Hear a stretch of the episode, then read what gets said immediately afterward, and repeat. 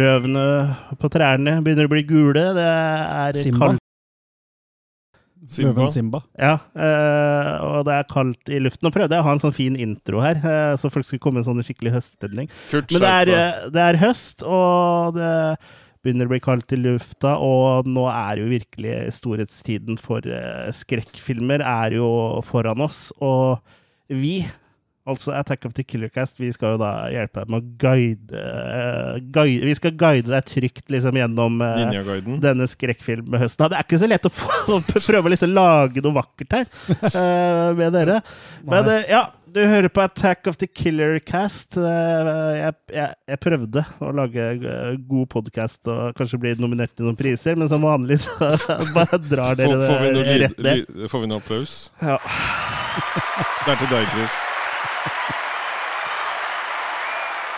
Ja, tusen takk. Mm. Ja, eh, velkommen til en ny episode av Attack of the Killer Cast, Norges eh, En av Norges eh, podcaster om film. Vi snakker om, da, hovedsakelig om skrekkfilmer, B-filmer, sci-fi, kult, komedier og Alt ja, alt vi føler vi har lyst til å snakke om. Men det er en eh, stor eh, sånn eh, Predominans. Buffé. av eh, skrekkfilmer og sånn. Ja. Av, hva- av skje? Buffé. Ja, buffé. Ja. Ja. Buffett. Buffett. Mm. Men eh, ja, i dag så skal vi snakke om eh, de kanadiske Cube-filmene. Altså det er, det er hele tre stykker av de. It's hip to be square. Mm. It's hip to be Cube. Ice Cube er ikke med i det. Nei, vi, skal, vi, vi, kan, vi kan ikke legge oss på det nivået der. Kan vi kalle allerede. dem i kuben for kubanere? Det tror jeg ikke er lov. OK. Nei. Nei, så det må vi stryke fra protokollen. OK. Uh, så ja. uh, hadde vi giddet, så hadde vi klippa ut det, men det gidder vi ikke. Uh, grunnen til at vi skal Der fikk jeg en liten sånn Grunnen til at vi skal snakke om Cube i dag, eh, det er jo Raymond Caspersen som har eh, valgt tema for denne episoden, og det har han kunnet gjøre fordi han eh, støtter oss eh, på, som premiummedlem, da. Mm, Han er et deg. ekte menneske. Ja, og jeg Hæ? Ja, han er et ekte menneske, ikke en bot. Nei, han, uansett hva han er, så betaler han i hvert fall. Så. Mm. Ja. Men ja, han har jo da den pakka som da heter Killer Cast Collector. Mm. eh, hvor du da, i tillegg til å bestemme tema for eh, to Eller bestemme to filmer vi skal snakke om i året, så får du også en T-skjorte i året. Og så blir navnet ditt eh, synlig på rulleteksta på YouTube-videoene våre, da. Han har Mm. også bestemt hva jeg skal gå i dag også. Mm. Mm. Gå, du sitter jo i rullestol. Ja, det- Men uh, ja, uh, gå gjerne inn på attackofthekillercast.com slash premium. Og dere i rullestol, rull dit. Jeg går ikke klær mer. Nei, du ruller i klær. gjør det, ja. ja, eh, vi setter pris på all den støtta vi får, og du må selvsagt ikke være Killercast Collector, men uh, kan være Killercast Xenobite, da, som da er entry level uh, premiemedlemskapet vårt, som da koster skarve 39 kroner måneden, og det Uh, selv om strømregninga er litt høy, så kan du varme deg med tanke på at det hjelper oss, da. Mm. Ja. Nok om plugging, shameless plugging. Uh, Jeg glemte å si at uh, jeg ble jo litt avbrutt i introen min her, men i studio sitter jo da Slurper du i mikrofonen? Husk at jeg har handikap i det meste nå. Ja, men- Ja, du brakk ankelen, ikke huet, eller? Nei, jo, det, det sprer seg. Ja, det sprer seg. Off to a good start. Ja. Mm. Uh, I studio sitter som vanlig jeg, Chris. Og med deg har du Kurt. Og Jørgen. Ja, skal du ha et sugerør, eller, Jørgen? Ja, Jeg tror det. Ja. Jeg Sug skal du ha. Du, vi må kjøpe sånn morosugerør. Sånn, Nå søler jeg på kneet ditt, kan jeg slikke det? Ja, gjør det. Sånn med sånn kruseduller på? Eller sånn, ja, eller sånn som har sånn eh, Ja. punger. En uh, Oh. kondomeriet-gøyalsugerør. En Mm. blanding av det. At det er liksom en uh, pung og en penis som går i ball. Ja. Høyballene begynner å bli kalde. Eh, nå har sikkert eh, de fleste allerede bytta kanal. kanal, men eh, det teller som det, teller på telleren vår eh, som en avspilling uansett. Ja. Nei da. Men eh, før vi skal snakke om eh, Cube, så har vi en fast liten spalte da, alltid før vi tar for oss hovedretten vår. Mm. Og denne gangen, som vanlig, så skal vi da gå rundt bordet. Du må rulle, Jørgen, og så snakke litt om eh, hva vi har sett siden sist, og da kommer vi med anbefalinger eller advarsler. Men eh, ja, før det så må vi bare kanskje si at du har knekt ankelen. Det er Ja, men det er, sånn har det vært i to måneder, så det, Ja. det er stabilt. Ja, men du har ikke vært her på Vi har hatt en lang sommerferie, og sist gang var vi på Snakka vi om Olsmannens siste skrik. Ja, og den var Siste dere stikk, positivt, siste skrik. så det var jo hyggelig at dere var det. Ja. ja, fordi du har jo skrevet manus. Ja. Nei. Det er Sarping som laga musikken, det Ja, sa dere det- sikkert. Ja, det tror jeg, det tror jeg vi Ja, det ble nevnt. Ja, det ble nevnt. Det ble nevnt. Så det er jo Og han lagde jo så musikken eh, Han fikk oppdrag i mai, tror jeg. Ja. Så han har ikke hatt god tid. Nei. Men eh, ja, er det noe du vil si om Nei, egentlig ikke. Nei, du brakk ankelen mens du sto på rulleskytter, Nei, på Eller elsparkesykkel. Jeg skulle vise hvor viktig det var å bruke hjelm. Ja. ja, og det gikk jo bra med huet ditt, men du burde jo hatt sånn eh, ankelbeskyttere. Ankelbeskyttere, ja. Så det, nei, det er ikke så mye mer å si om det. Godt du har to. Men da, siden sist du var med, Jørgen, så har det blitt litt forandringer, da. Jeg, for jeg synes, jeg likte litt eh, det vi gjorde sist gang, Kurt. At vi på en måte uh, Istedenfor at én sitter og ramser opp, og så neste ramser opp og Ikke at nødvendigvis at jeg har så mye å ramse opp den gangen her, men at vi går Mer å blåse opp. At vi kommer med én anbefaling hver, og så går det videre til neste person. Mm, vi. Så, sånn uh, gjør vi til vi er tomme for det. For ting. Det er stolleken. Ja, jeg har faktisk ikke så mye, jeg, altså, men uh, Nei, jeg også har sett ikke så veldig mye. Men, jeg Men det, det, det, det skaper litt mer dynamikk, da, og det er sånt man vinner podkastpriser for. Jeg gleder meg. Men Ja. det jeg hører, da, er at jeg kan begynne. Du kan nok begynne. Og så uh, bare sånn liten Vi har utvikla oss litt også, eh, Jørgen. Det er mye som har skjedd i, i ditt uh, fravær. Ja. Vi har slutta å bruke makekast, så nå Ok. opererer vi med terningkast.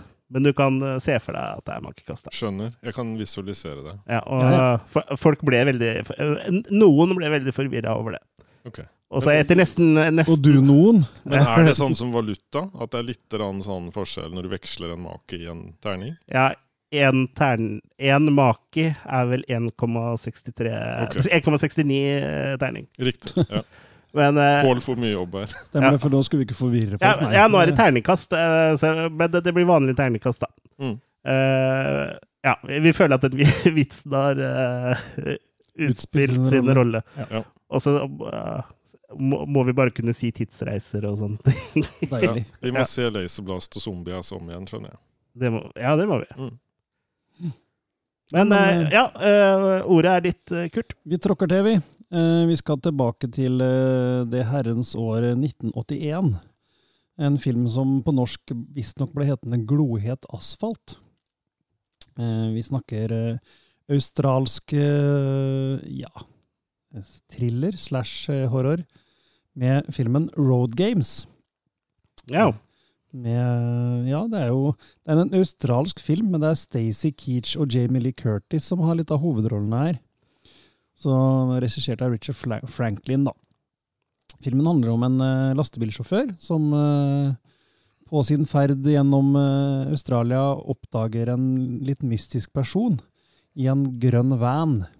Som han mener at hver gang den vanen dukker opp, så skjer det at damer forsvinner, og ja, i hvert fall dukker opp uh, uten pust. Det var morsomt å se ta punktet at damer forsvinner, eller i verste fall dukker opp. ja, men han mistenker, for jeg mistenker i hvert fall uh, det er noe uh, ulumsk som skjer, ja, muffens som skjer i den van, eller rundt den van. da. Mm. Mm. Han uh, overnatter jo blant annet eh, i lastebilen sin, fordi at han i van tar med seg en dame inn på hotellrommet som han sjøl egentlig skulle hatt. Han nøler litt med å gå inn for å få seg et rom. Eller få seg. ja. Få seg. Og da tar han andre over det rommet, og da blir han sittende litt sånn irritert og se inn på det rommet hvor han fyren er, da. Og da syns han det skjer mystiske ting der, da. Det er ikke Van Dam? Van Dam kunne vært med. Mm. Men uansett, da, det her blir jo nesten en litt sånn katt og mus-lek da, mellom den trailersjåføren og denne her van. Eh, kan minne litt i stil om eh, Duel, som var Spielberg sin eh, lastebil-revenge-film på 70-tallet. Litt sånn Og- Stephen Kinski òg. Ja, på en Og, de, ja. og debut, debuten til Steven, Steven ja, Spielberg. sånn Regimessig. ja. Ja, ja, men Han det- hadde noen småting før det, Ja, men det, var, det er jo ikke en, ja, det er ikke en debut. Jeg har fortsatt ikke sett Duel. Jeg, Nei, en meget bra film. jeg har den i hyllen. Og det kom jo en del i den samme sjangeren, som var litt sånn ja, type Maximum Ja, overdrive! Ja, The Hitcher, for eksempel, med Ja. Rutger Hauer. Uh, den her er nok litt mer i thrillerland enn horrorland. Uh, men den er skikkelig spennende og, velspilt og velskrevet. Har et bra soundtrack og bra stemning hele filmen igjennom. Stacey Keach eh, jo mye, bærer jo mye av filmen alene, selvfølgelig. Som en Er ikke det tungt? Jo, det kan være litt tungt, særlig når du da har en eh, sånn eh, Film på den tida veide jo ekstremt mye. Ja. Ja, og så særlig når du har en trailer bak deg òg. Faen. Og det er jo litt sånn eh, Skal godt la seg gjøre da å lage spenning ut av at én mann sitter i en trailer og nesten prater med seg sjøl. Men det blir det. Det blir det. Og ting tar seg jo selvfølgelig alltid opp når eh, Jamie Lee Curtis dukker opp. Stacey Keach er jo en skuespiller som Eller var en skuespiller som på en måte klarer den bragden bra, vil jeg tro. Han er jo Absolutt. en klasseskuespiller. Jamie Lee Curtis også. Og det er aldri feil med Jamie Lee Curtis. Uh, Road Games likte jeg veldig, veldig veldig godt. Uh, nesten så bra at jeg angrer på at jeg ikke har sett den før. Såpass, ja. ja, den, uh, jeg digga den virkelig. Altså, jeg kaster lett en sterk femmer for den. Ja, Så det er bra. et bra start denne gangen, på- fra min side. Ja. Terningkast fem. Terningkast fem! ja, Jørgen, har du lyst til å ta Ja. Du sier at du ikke har sett eh, så mye. Nå er det over tre måneder siden vet, du var jeg, med jeg, jeg, sist. jeg vet, men fokuset mitt har eh, vært veldig flytende. Så det å sitte i ro og sitte og se på noe, det har jeg ikke klart. Fordi jeg har noe som heter angst, og den slår veldig ut når jeg sitter i ro. Ja. Så det begynner å gå seg til, og jeg skal se mer nå framover. Det er fint at du har jogginga, da. Ja. Hvis du er i båt om å roe. Ja, riktig. Nei, så Jeg har heller drevet mye med fysiske ting, da, hvor Ja. jeg engasjerer meg og sånn, så jeg lover å se mer. Ja da. Men, Eh, eh, men du har har noe, noe, å bringe til torgs? Ja. Jeg har sett på Plex, hvor du ser en eh, Der kan du se gratis filmer med reklame imellom. Eh, og der har jeg sett eh, Robot Ninja fra 1989. Oi, oi, oi. Og den er like dårlig som det høres ut. Eh, den handler rett og slett om en som driver og tegner sånne tegneserietegninger. Han får da hjelp til å forvandle seg da til en sånn derre med maske og mye sånn forskjellig, og går rundt og begynner å yppe seg og Hva skal vi si for noe? Det er katastrofalt. Det er en der, sånn eh, ninja, liksom? ja, ja altså det, er, det er så dårlig gjennomført at uh, det er helt forferdelig å se på. Så jeg sleit med å se den ferdig. Og den, den under ut i Eller den bunner ut i ingenting. Og forferdelig sak, egentlig. Den, jeg, jeg skjønner ikke hva motivasjonen overhodet for å, å lage det her på film, egentlig. Altså Litt sånn praktiske effekter. Eh, men veldig upraktisk uh, å se, og dårlig skuespill og Nei. Uh, Det høres litt ut som en uh, selvmotsigende. og En sånn ninja skal være liksom litt sånn smooth og nesten litt sånn stealth-aktig og sånn. Ja. ja, altså, Det er det få roboter som er. Ja, altså, han, det er så, han er så lite robot som det går an, liksom. Han, det er en fyr med en maske og en sånn stemme-vocoder, og det er det du får. Eh, det er bedre å kjøpe noe til ti øre på Wish, for å si det Ti sånn. øre, det var billig. Mhm. Kan du gjenta terningkastet ditt? For jeg Eh, fikk det ikke. Terningkast én. Terningkast én. Ja. Ja, skal jeg ta over stafettpinnen? Padden er med. Eh, Den har ikke tatt eh, ferie. Ja. Fast inventar. Aller først så vil jeg komme med et aldri så lite serietips, eh, faktisk eh, denne gangen. Mhm. Fra da strømmetjenesten Apple TV pluss. Der vil jeg trekke fram en serie som heter Severance, uh, som da faktisk overraskende nok uh, Det er kanskje jeg har mer med min ignoranse å gjøre, og, og at jeg setter folk i bås, men det er en serie som Ben Stiller har regissert. Mhm. Ja. Og som jeg så tror jeg er produsent og sånn, men den heter da Sa jeg hva den het? Severance, ja. Severance. Har han kommet seg ut av museet? ja. eh, han er jo ikke med i serien, han bare regisserer. Men eh, det her er jo da en eh, psykologisk sci-fi-thriller eh, i Mm. serieform, som da handler om en bedrift som heter Lumon. mm -hmm. eh, som da har ansatte som de på en måte som er severed, da. Det vil si at hjernen deres er delt i to med hjelp av en sånn liten eh, brikke. Så Mhm. når de da går ned, tar heisen ned eh, i jobb, så aktiveres er en del av hjernen som bare er på jobb, da. Mm. Mens eh, eh, når du ikke er på jobb, så er det, er det deg. Så det er på en måte en egen personlighet som er nede i jobb der, da. Så du øh, Hvis vi skulle dratt på jobb der nå, liksom, så bare husker vi at vi tar heisen ned, og så er vi oppe igjen. Mm.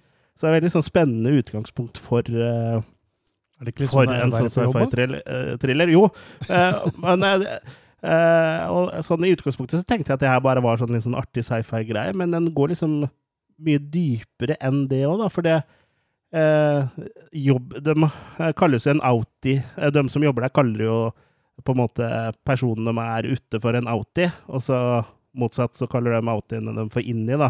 Mm. Men de personene er jo helt splitta, eh, så de eh, som eh, jobber, de vet ikke om noe annet, liksom. Det har vært hele livet deres, er den jobben.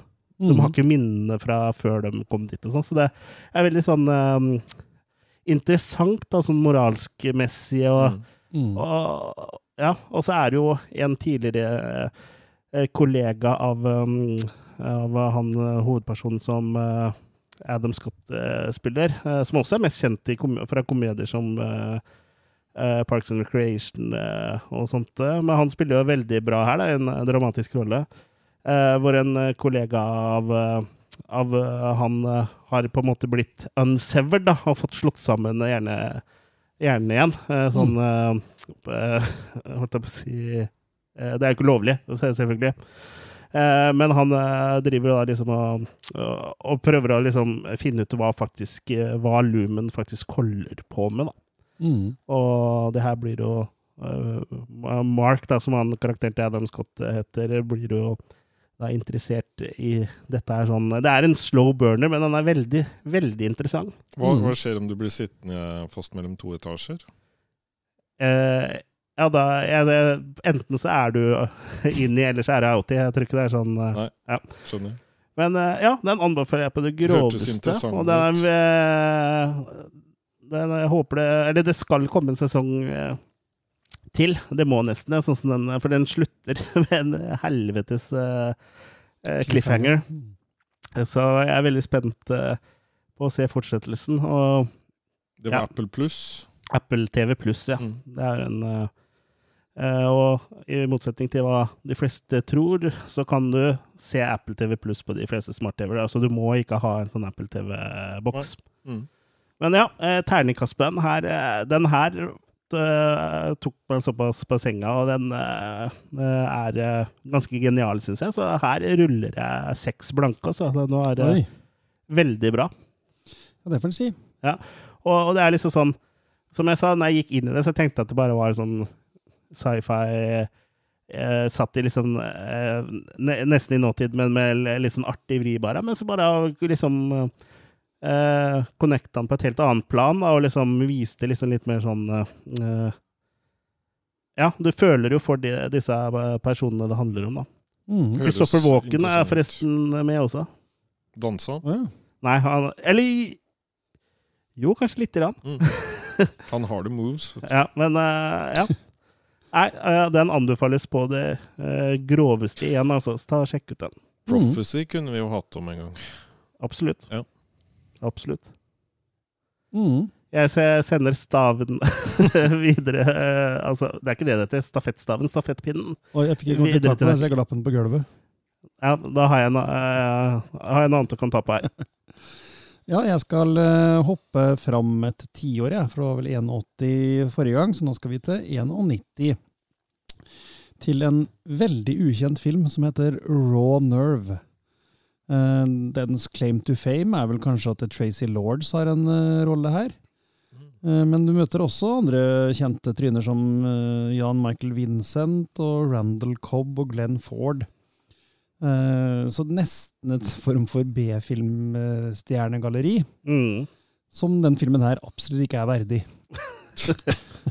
Likedass. Ja, vet du, Det handler om en racerbilsjåfør som uh, får en del sånne syner om, uh, ja, om mord da, som skjer uh, i området der han bor. Eh, men han klarer liksom ikke helt å connecte hva det er han ser, da, men han mener at det er nok til å gå til politiet og fortelle hva det er han opplever, eh, for at det skal kunne hjelpe til da, med å oppklare disse morda. Eh, Men politiet vil jo ikke tro noe på han, og jo lenger tid det går, jo mer mener de at det er jo han sjøl som går rundt og dreper folk, da. Så han blir mistenkt.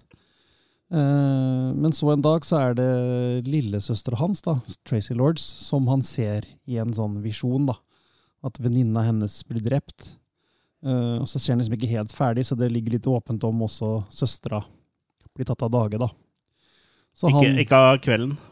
Nei, den var dårlig. den var dårlig. Tatt av dag. Kan bruke cricket. Ja. Ja, har denne her òg. Det var den du ville ha? Men uh, han sjøl da, sammen med en uh, reporter som eh, han må Ja, hun skal jo egentlig intervjue han, for hun tror jo litt på han. Men samtidig så faller de jo selvfølgelig for hverandre, og de skal sammen prøve å finne ut av hva som er sannheten bak der, da, bak disse visjonene hans. Synet han får. Høres ut som om han sausa sammen en del greier der. Ja, det er liksom Historien i seg sjøl er jo ikke så dum. Eh, men alt annet her er jo dumt. Særlig hvordan han, han sjøl spiller. Makan til teatralsk type, det skal du lete lenge etter. Eh, du kan liksom tenke deg Når han får disse syna, så får han jo vondt i hodet. Sånn slags sånn nesten migreneanfall. Og han, måten han liksom tar seg til hodet og ramler i bakken og sånn, Det ser ut som sånn der verdens dårligste dødsscene på film. Sånn der, ja, og det skjer jo stadig vekk, da. Det er viktig at de på bakerste rad får med seg det som skjer. Har han lært, da. Når Tracy Lords er en av de beste skuespillerne i hele greiene, da sier det seg vel litt åssen det her eh, ligger an. Mm. Eh, Jan Michael Vincent var absolutt inne i en periode uh, Han var inne i en periode. Han var inne i perioden sin, for å si det sånn. Han var jo en uh, alkoholiker av rang rundt den tida her. Og i enkelte scener så klarer han ikke å holde begge øyne åpne samtidig engang, så full er han. og istedenfor å da si cut og prøve en gang til, eller ta en annen take, eller et eller annet, så har de altså latt det gå gjennom, og bruker det i filmen. Ja, ja. Film er jo dyrt. Film er jo tross alt dyrt. Det er, ja, okay. det, er, det er fokus på reuse, da, så det er jo litt sånn miljøvennlig. Miljøpartiet vil støtte den filmen. her. Ja, ja, de sløste ikke med rullen her. det er Favorittfilmen til Lan, eller hva vet du for noe? Eller hun har trukket seg nå. Ja. Men, eh, Det er fortsatt favorittfilmen hennes. Men det her er også et makkverk av en film, og det er jo litt sånn Jeg skjønner jo på en måte at han er eh, forglemt, men den har litt sånn potensial til å være so eh, bad it's good òg, for du blir jo sittende og flire og le og riste på huet hele tida. Så jeg kan tenke meg med et par øl innabords så du ikke heller får opp helt øyet, sånn som Jan Michael Vincent, og et par eh, ja, gutter og filmkveld, så kan hende det her er litt humor, altså. Men, Ville eh, du remake den hvis du fikk sjansen, Kurt? ja, men det går ikke an å lage den her på en måte som blir bra, for da ødelegger du jo det som er poenget med en So Bad It's Good-movie. da. Riktig. Du kan jo ikke lage Miami Connection så det er en bra film. Du kan Nei. ikke lage Plan 9 og lage en Nei. bra film av det. Da blir jo hele poenget vekk. Det er jo sånne filmer du burde remake, da. Men uh, Ja, ja, Kanskje men, ikke Plan 9, men sånn som eh, den her, da. Kan du Mm. lage en bra film, istedenfor bedre enn å remake absolutt. bra filmer, i hvert fall. Altså, Raw Nerve uh, Jeg kan ikke gi en bunnscore, selv om han hadde egentlig trengt det, men det, det, det gir det en litt sånn sjarm allikevel, da, siden det er så ræva. Så du, Mm. du glemmer ikke den filmen så lett, da. Nei, Så jeg vil vel gi den en veldig svak eh, terningkast to, tenker jeg. riktig. Ja. Har du noe mer eh, på din? jeg sitter og tenker mens, eh, mens dere snakker, og det skjer ikke så mye egentlig oppi hodet, altså. Da Jeg prøvde prøver å jeg tenke meg jeg så det på sykehuset, men jeg, der var det mest real life horror, egentlig. Så Ja, det- du hadde noen syner der, eh, Ja. sikkert. Eh, Jeg kan jo i hvert fall eh, ta over eh, stafettospinnen. Jeg har sett Tour, Thor, Love and Thunder, den eh, nyeste, men også uh, mest utskjelte Marvel-filmen på sosiale medier nå. Mm. Den har fått mye kritikk eh, for at den er useriøs og liksom eh, dårlig humor, eh, bla, bla, bla. Sånn som i motsetning til alle de andre seriøse superheltfilmene. Ja, det, det, er, det er litt av greia, liksom, at folk har liksom glemt at uh, i tegneseriene det er basert på, så sk- skeier det ut veldig mye og skjer mye rart der òg, liksom. Men uh, Mm. eh, nå skal jeg ikke gå så langt i å forsvare Thor Love and Thunder, da, for uh, det faller jo litt gjennom en del av humoren her, men det er noe som er litt gøy her. Men ja, basic plot er jo da at Thor må kjempe mot en bad guy, eh, selvfølgelig. Som det må være i, ikke bare superheltfilmer, men i de fleste filmer. Men eh, en som da heter Gore, the God Butcher. Altså, han dreper guder. Så det er jo dårlig nytt for uh, Thor, da, som er en gud. Så han Gore har jo da satt seg ut på turné da, for å drepe alle guder. Ja, det er basically det, da. Mm. Og han Gore, the, the, God Butcher, er jo spilt av Christian Bale, som er jo en uh, ganske habil skuespiller. Som også har vært superhelt? Ja, som også har vært uh, Batman i den Christopher uh, Nolan-trilogien. Um, ja, den filmen her er jo veldig uhøytidelig, og den er jo regissert av han Taika Waititi. Waititi? Jeg er litt usikker på uttalen. Han regisserte jo også forrige Thor-film, Ragnarok. Ja. Uh, jeg vil kanskje si at Ragnarok traff litt bedre enn den her, for det, den prøver veldig Det er veldig mye sånn plump humor, liksom, og noe er liksom gøy, mens en del av vitsene de fester seg liksom ikke helt til Det Er litt sånn hit and miss, da. Mm. Er det ikke han som sier han skal, er ikke han som skal lage noen sånne Star Wars-greier nå, som han sier han skal gå inn for å pisse off Star Wars-fans? Har han sagt det?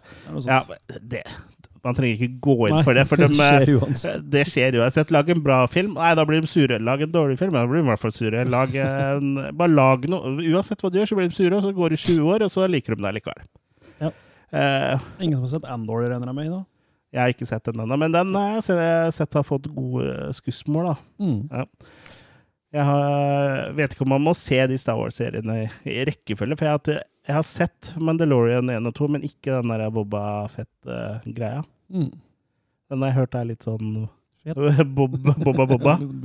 At den er litt Bobba Bobba. At den ikke er så bra. Uh, Kenobi Ja, vi skal ikke snakke om Star Wars-serier, men uh, ja, altså, jeg syns jo det er mye morsomt her, og det er favoritten min uh, favori det, det, som jeg syns er gøyest med filmen, er jo at de uh, ganske tidlig i filmen, så, eller helt i starten av filmen, faktisk, uh, når han redder planeten deres, så får jo Thor altså, gave fra dem, som er to kjempegeiter som er kjempesvære, som skriker hele tida. Og det, det, er favoritten min i Thor Love Thunder. Det er bare sånn veldig teit humor. Uh, men uh, ja Sånn YouTube-greie? Sånn skrikende geiter? Jo. Uh, og jeg skulle liksom på en måte ønske at det var mer For at uh, Taika Waititi Han har jo også Det er jo han som står bak What We Do In The Shadows. Stemmer det. Så jeg skulle ønske liksom at det var litt mer av den humoren der, som jeg på en måte føler de skrikende geitene er litt. For det er, det er, liksom noen som blir litt sånn uh, plumpe, da. Litt sånn ja, Litt sånn teit humor. Men samtidig, det er jo uh, det er ikke bare tull, liksom. Og nå er det jo en del som forsvarer eh, det at filmen er liksom tøysete og tullete, og at den har dårlige replikker og sånn, er nettopp fordi at den blir fortalt gjennom en karakter som heter Korg, som er sånn her litt holdt si, tilbakestående steinmonster. som også Antaiki Waititi er stemmen til. da. Så at liksom at det er forklaringa på at ting er så teit, da. Men jeg vet ikke. Vitsene kunne vært bedre for det, da. Men jeg ble underholdt. Det, mm. det, ble, det ble jeg, altså. Og så er det jo liksom gøy at i disse Marvel, amerikanske Marvel-filmene at Tønsberg, som har blitt New Asgard mm. er en liten fiskeby ved fjella. som det som vi alle vet at det er. Ja, de har ett fjell. og det er ikke så særlig stort heller. Men um, ja. Og så syns jeg det var artig at det er, uh, er ikke bare Det er litt sånn uh, I bakgrunnen sånn, så er det litt sånn uh, Når de er i New Asgard slash Tønsberg, så er det sånn saltsild og Villa og Solo og sånn i bakgrunnen. og sånn. Det, altså, det var litt gøy. Ja, visst. Ja, og Marabou-sjokolade. Altså, det var bare, ja, det var Skandinavia, det er samme greiene. Ja, ja. Men, det, men det er litt artig likevel, da. ja, det er vel mer enn de gadd å gjøre research for til The Thing når de skal ha den norske stemmen der. ja, her gikk det sikkert bare i en sånn skandinavisk godtebutikk og kjøpte, for det vet mm. jeg fins både At det fins, da, mm. i USA. De her Swedish Fish er en sånn stor favoritt jeg har skjønt i, ja. i USA. Det er de røde geléfiskene fra Malaco, eller noe sånt noe. Mm. Nok om geléfisk. Eh, Jeg syns den her var helt grei. Det var liksom en del humor og sånn, men det er, det er ikke noe sånn eh, gjensynsverdi, liksom. Den er sånn ja, artig nok å sitte og se og ta noen pils og spise li- litt popkorn. Mm. Men ikke noe jeg kommer til å se igjen. Så den havner sånn. Har den under beltet, så da kan den ligge og ruge der. ja, så den, er- Det er ikke den beste Marvel-filmen, men det er heller ikke den dårligste, så den havner sånn midt på tre. Terningkast tre! Terningkast midt på tre. Jørgen, du rekker opp eh, lanken. Ja, jeg kan skyte inn en film jeg så før, eh, før eh, bruddet. Eh, det er, Før vi gjorde det slutt? Det er på Full, Moon Features. Ja, på den strømmetjenesten deres. Så så jeg Attack of the 50 Foot Camgirl. Camgirl. Ja, den, den tok meg med buksa nede, for å si Ja. det sånn. Men det er relativt ny fullmoon eh, Det film. er, den ligger under new releases fortsatt. Og den, den var morsom. Uh, Laga i litt sånn der eh, Du tror du er på Pornhub, men du er ikke det likevel. Oh. Og hun ene dama der godter seg Det er Pornhub, annet, eh, eh, men eh, uten pornoen, på en måte. ja, ja. Og så hun ene der, hun godter seg Hun får lyst, veldig lyst på en pølse, så de har injisert med noe. Og så blir hun kjempediger, ikke sant? Og så blir det sjalusi, da. At, og så blir det nærmest sånn Godzilla-fight uh, mellom hun og Anei. Og det, det Som også har fått sånn pølse? ja, Det var ikke pølse. det får de andre ting òg. Voksepølse. Ja, så det her, det her er et kaos av en film, og morsom. eh, Så det, det er en terningkast eh, ja, tre pluss, vil jeg si. Mm. Mm. Ja. Så Det er, er en full moon-film, liksom? Eller bare ligger den på Jeg, jeg mistenker at den bare er distributør, men den, den som sagt tok meg med buksa nede. Mm. Den var uh, morsom. Det er den beste måten å bli tatt på, det, se. Ja, men det er, det er morsomste hyllest til, til den, egentlig, med litt sånn referanse Sånn jeg opplever det til Godzilla og litt sånn forskjellig. Eller heter det Godzilla? God, Godzilla? Åssen er det uttalt? hvis du lesper, så sier du sånn, men Ja, eh, det er Godzilla. Godzilla eller Gojira! Ja, ja, Gojira. Ja, nei, så den burde du sjekke ut, gutter. Ja. Og se alene. Jeg må se alene. Ikke med madammen. Å ja, sånn, ja. Men Ja. du kan se den uh, med venner. Ja, det kan du gjøre. Og se med buksa nede, jo. Ja.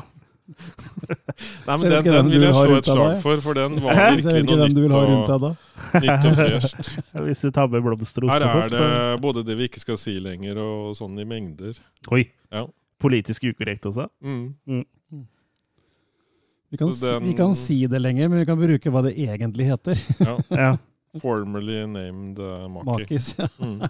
Nei, vi kan si makis. Mm. Det er lov. Det er bare Formerly known as Makis. ja. Ja. Det er lov å snakke om eh, makis og Makis. Pupper og bryster, og det er bare det at eh, vi ruller terninger. Okay. Men vi kan jo fortsatt bruke makis om uh, pupper, men det er også lov å si pupper, da. Men problemet med makene er jo at de bare ruller og ruller. Det er derfor dere gikk over til terningkast. Ja. For de stopper opp Det på en side. bare rulla nedover bakken, og så løp vi etter det. Så vi fikk en del klager og sånn fordi det var Fullt av makis sånn maker. som eh, forsvant. Ja, rett, rett og slett. Ja. Ja, Kurt, har du noe mer på listen din? Det har jeg. Jeg har uh, sett meg opp på en av mine favorittregissører, uh, så nå tror jeg er ganske så full pott på mannens verker, holdt jeg på å si, som er å få tak i i hvert fall. For jeg snakka vel om The Ward sist, mener jeg. John Carpenter? Yes. Og denne gangen så har jeg sett uh, Someone's Watching Me fra 1978. Somebody's watching me. Ja, en TV-film som uh, lenge gikk uh, som en av hans uh, ja, glemte perler, eller lost movies, på en måte, da, for den var ikke så tilgjengelig. Men Ja. i vår verden så kommer jo det meste fram, holdt jeg på å si. Hvis det er lov å si. Hvis T-skjorta er trang, så. Ja, så Someone's Watching Me, eller Mord i blikket, fra Oh. 78, med Lauren Hutton og Adrian Barbeau, blant annet. Jaså? Yes. Uh, her snakker vi om en uh, Ja, hun jobber innenfor TV. Hun er vel en sånn uh, Er det det som er regissøren, tror du, som sitter og sier ja, 'kamera én nå, kamera tre der, og så pan der og scan der', Eller, si sånn. Ja, Bildeprodusent. Ja, bildeprodusent. Eh, jobber som det, og kommer til en ny by og ansatt som det. Og splurger litt på en litt fancy leilighet i et nytt bygg med veldig mye sånn fancy teknologi og ja. Det var nok ekstremt moderne i 1978, da, med sånn eh, blinders som åpner seg nesten av seg sjøl, og eh, Ja. varmen justerer seg etter ditt og datt, og ja, mye sånn fancy, da. Nesten sånn ringte butikken når det begynte å gå tomt i kjøleskapet og sånn, vet du. ja. Eh, Så hun koser seg der, men det skal jo fort vise seg at det er jo flere som koser seg med at hun er der også. Så i beste Hitchcock-stil så får hun en del eh, eh, oppskjønne telefonsamtaler, og etter hvert så føler hun seg da mer og mer forfulgt og iakttatt, da. Er det Jeg må bare finne paden så jeg har det klar. Jeg, for jeg bare lurte på om det var eh, Om det var, var Aud Obskjønn mann som ringte. Det var, var litt det var dagens. Ja, det var dagens. Ja. Aud Obskjønn mann. Jeg er fornøyd. Ja, det er bra, det. Publikum var også fornøyd. Det som er litt bra med den her, er at den, du eh, får en veldig sånn deilig Hitchcock-følelse, og det er nok selvfølgelig litt av meninga, det. Eh, Det er jo mange som har prøvd å etterligne hans filmer sånn som uh, uh, Rare Window og, og sånne ting. Samme stilen. Uh, og Carpenter gjør det bra, altså. Eh, så er det litt kult at du på en måte ikke får så veldig eh, innblikk i hvem denne fyren som iakttar henne er, da. Han blir liksom en figur i bakgrunn, men som allikevel er truende, da. Uh, og igjen så er det jo her, sånn som i den uh, forrige filmen, at det er ingen som tror på henne og går til politiet, men politiet finner liksom ikke noe bevis. Uh, annet enn at hun kan være sinnssyk, liksom. Det er jo naturlig, det. 'Å, du tror du hører stemmer?' Ja, du tror det er ditt, du tror det er datt. Men det skal jo selvfølgelig vise seg at det er en- Spiller Jordan Saxon politi her. Nei, men det burde den virkelig gjort. Men jeg kan ikke nå gå til politiet hvis det er noe. Er det Jeg må sant? rulle. Det morsomste med den paden egentlig er at når du trykker på den igjen, så bare slutter det. Ja. Så er liksom, liksom det er bedre, det er gøyere når lyden bare stopper, enn at den avsluttes ut, ja. naturlig. Eller fader. Men uh, 'Someone's Watching Me' er fornøyelig film, det. Uh, det er selvfølgelig ikke blant hans beste filmer, men eh, det er blant hans beste TV-filmer. Han laga den for deg, Kurt. ja, han øh, Ja, som sagt, jeg vil vel kaste en litt svak firer, jeg tenker jeg, til øh, 'Mord i blikket'. Vet du, Den norske tittelen syns jeg nesten overgår en uh, originaltittelen her. Ja, gjør det faktisk.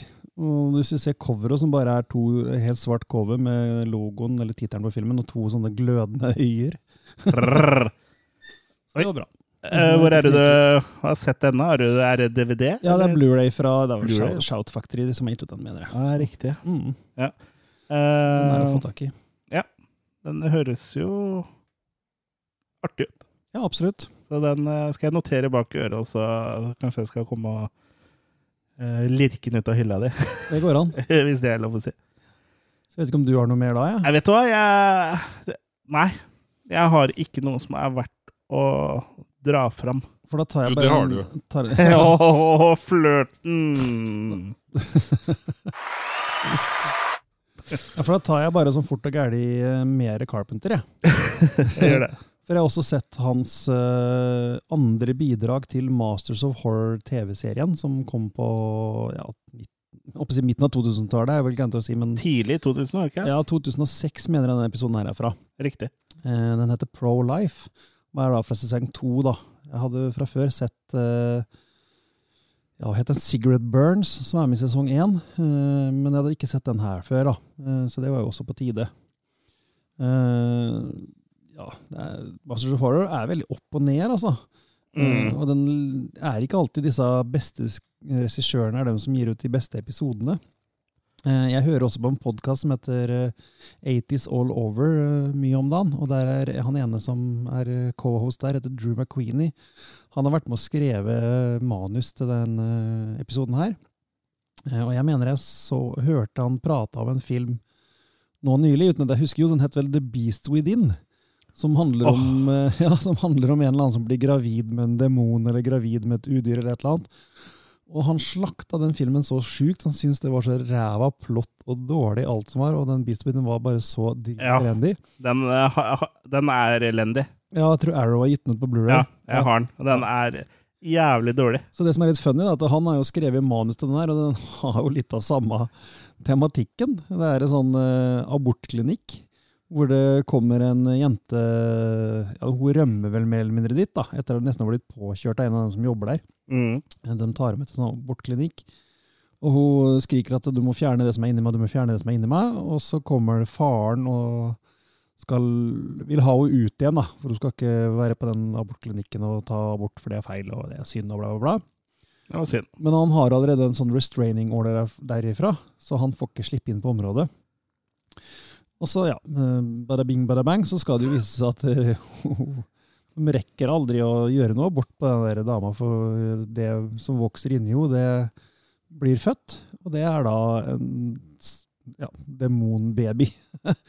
Så Satan sjøl kommer da opp av gulvet og skal ha tilbake babyen sin. Satan. Sa-sa-sa-satan. Og jeg syns vel ikke akkurat det plottet der er noe bedre enn det som det høres ut som det er i The Beast Within, da. Nei, men det, det kan jo hende at det er gjennomføring og ikke plott som er eh, problemet. Jeg bare husker at Beast Within er uh, forferdelig. Ja da, han er nok sikkert verre også. Uh, Pro-life uh, har nok litt å komme til torgs med, med at han prøver å være en slags uh, ja, innlegg i debatten om abort, da, rett og slett. Det er jo veldig hot topic i USA alltid. Ja, de driver jo og skal forby Eller har forbudt Ja, I flere det stater har de det, så sånn, den er jo faktisk aktuell ennå. ja. Og det er jo Carpenter litt flink til også uh, lefle litt med hvem du på en måte følger. da, Hvem, hvem har rett her, hvem har feil, hvem uh, ja, ja, lefle litt med sympatifaktorer og sånn, da. Så det er jo det eneste den episoden her har for seg, er vel egentlig det. Ja. Resten faller gjennom som en våt klut. Så jeg tenker en eh, Hvordan faller en klut? Det er sånn splatt. Ja, pladask til jorden. Mm. Til. Jord, joden. Ja.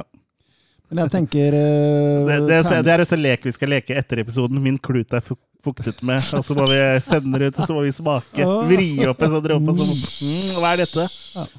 Smaker salt. Altså, Pro-life er absolutt ikke noe av hans bedre greier. altså. Jeg tenker makekast to for å holde, jeg. Terningkast to. Ja, se der. Nei, det går bra, det. Folk, eh, folk må, skjø må skjønne at det er en glidende overgang. Ja. Så jeg tenker det er eh, dette er det, ja. Ja, da lukker vi Det tok bare 42 minutter, så da lukker vi den anbefalingsdelen av podkasten vår. Du har hørt hva vi har sett siden sist.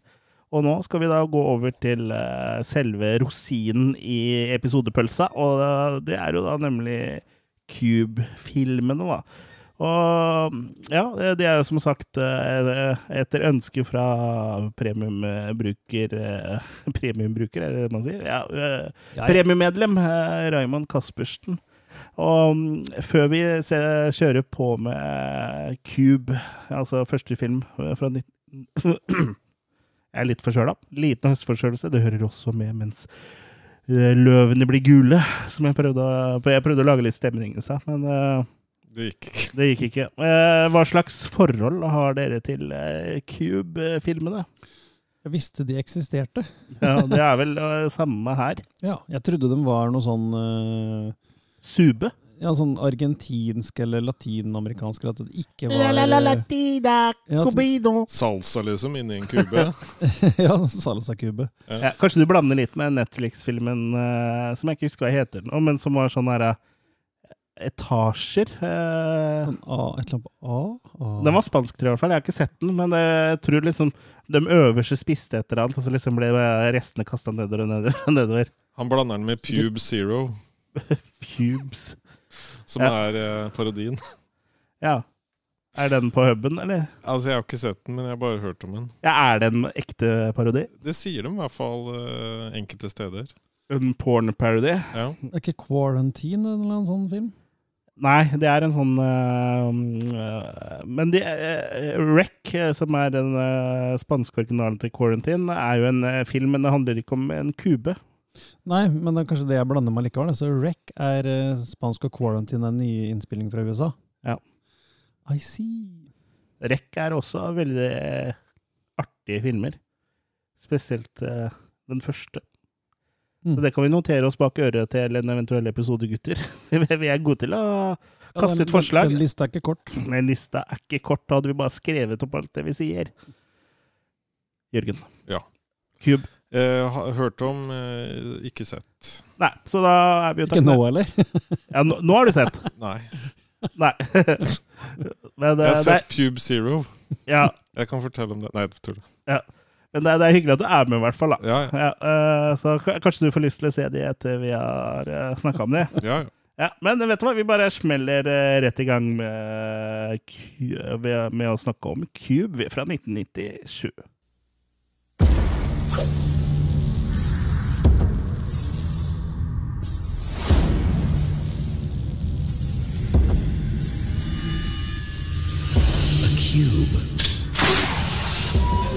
26 rooms high, 26 rooms across. 17,576 rooms. Does anybody remember how they got here? Why would they throw innocent people in here? Are we being punished? There's a way in here, so there's gotta be a way out. Do you think they'd go to all the trouble to build this thing if we could just walk out? Take a good long look around. Cause I got a feeling it's looking at us. We have about three days without food and water before we're too weak to move. I just want to wake up. I looked in a room down there and something almost cut my head off. Motion detectors integrated into the walls. Tough to spot. You're not getting out of here. Yes, we are! There is no way out of here. We need to get around the traps. They're identified by prime numbers. Figure it out. I can't! I'm not dying in a rat maze! No more talking.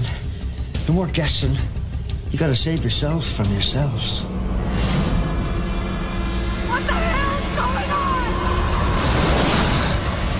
We haven't been moving in circles, the rooms have. We have the key. The cube is us.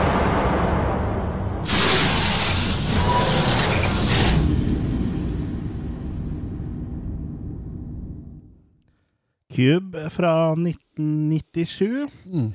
regissert av eh, Ja, er, hvorfor kan du Han, han med regissøren. ja, av, eh, Du må ha seg vanskelig navn. Nei, det er ikke så vanskelig. Det er Vin Vincenzo Nathalie.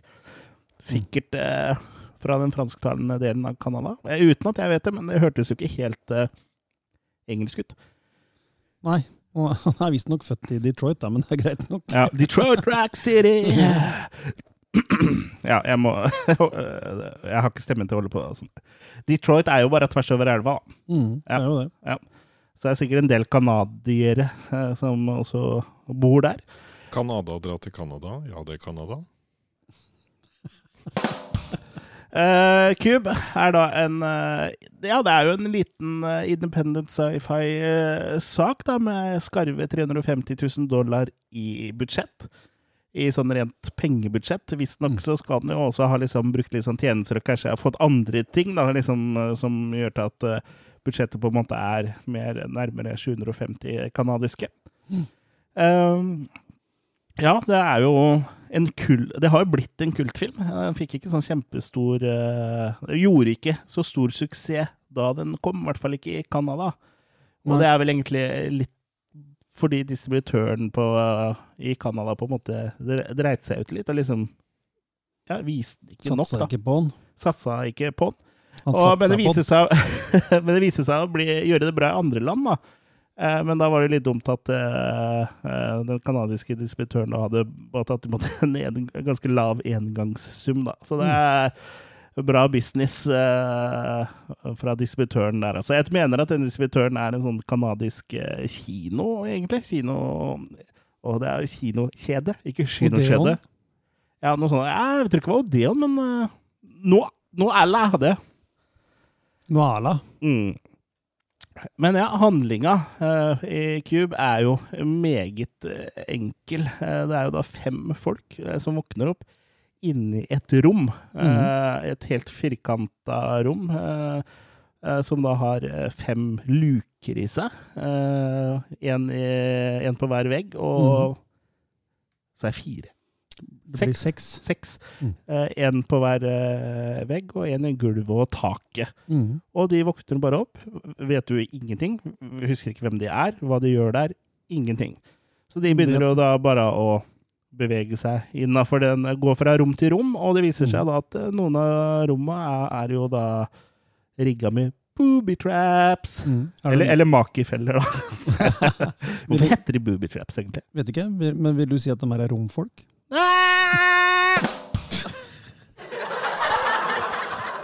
Kurt er der eh, hele kvelden. Hele kvelden er han. Ja, takk. Ja, jeg syns vi skal google booby traps, ja. Ja, eh, jeg kan gjøre det etterpå. etterpå. Eh, Du tenker på boob traps, du. Oh. Men ja. Det er jo egentlig handlinga, og Mm. det de, på, må- de har jo ikke noe mat eller toalett eller noen Nei, ja, det jeg eh, lurt på. Hvor går de på Jeg har sett nummer én, men ikke nummer to. Hvor er det de driter i kuba? I hjørnet. Ja, Hjørnet. Ja. Det er liksom sånn Det er Eller kan liksom du bare åpne den luka som går i gulvet, da, og drite ned der? Ja, du kunne gjort det istedenfor å kaste den støvelen, liksom. Det Bare mye- i. Ja, En det går ille skitstøvel. mye Ja. sko. Ja. Ja. Men eh, ja, eh, de prøver jo å, å komme seg ut fra dette stedet, da, uten at de egentlig vet hvor eller hvilken vei de skal eh, gå. Og etter hvert eh, som de finner ut at det er eh, feller i disse rommene, så finner de jo ut at en løsning er å kaste inn eh, ikke håndkle, men en støvle, da. ja, for det dukker jo opp en fyr som har funnet ut av det her, da. Ja. Han Er det Renn han heter? Ja. Han som er spesialist på skinnet. Ja. Han er, Houdini. han er Houdini-ekspert. Ja. Eller han er, han er rett og slett klart å rømme fra ting før. Ja, og det virker jo liksom litt sånn, sånn en sammensetning av folk, uh, uten at det uh, Ja, det kommer til å være spoilere i denne episoden, forresten. Ja, vi må nesten det, for det er ikke å snakke ja, om Fra nå av så blir det spoilere. Altså, hvis Mm. du ikke har lyst til at Cube skal bli spoila, eh, eller noen av Cube-filmene, så må du slutte å hø- høre nå. Og så må du se Cube-filmen, og så komme tilbake. Vi Det- gis jo nå oss ut på kassett, så da kan du trykke pause på kassett. Ja, og når du hører uh, denne lyden Da kan du bla om. Da kan du bla om. Uh, jo, det, det virker jo nesten sånn eh, som at de har satt sammen eh, et, en gruppe mennesker som på en måte har forutsetningene for å kunne komme seg ut. da. Ja. De har jo blant annet Quentin, som er en politi, politi liksom. Er vant til å ta den leder... Quentin. Er vant til å ta den lederrollen. Og så har jo han René. It, it is I, René. René. Og Darne. Eh, ja, eh, som er sånn rømningsekspert. Og så har jo eh, dukker det opp en som er autist der, eh, som eh, er veldig god på å finne primtall. Eh, blant annet, så det virker som liksom de eh, Han leter etter Det prim, virker primtall. eh, Det mangler primstav, da.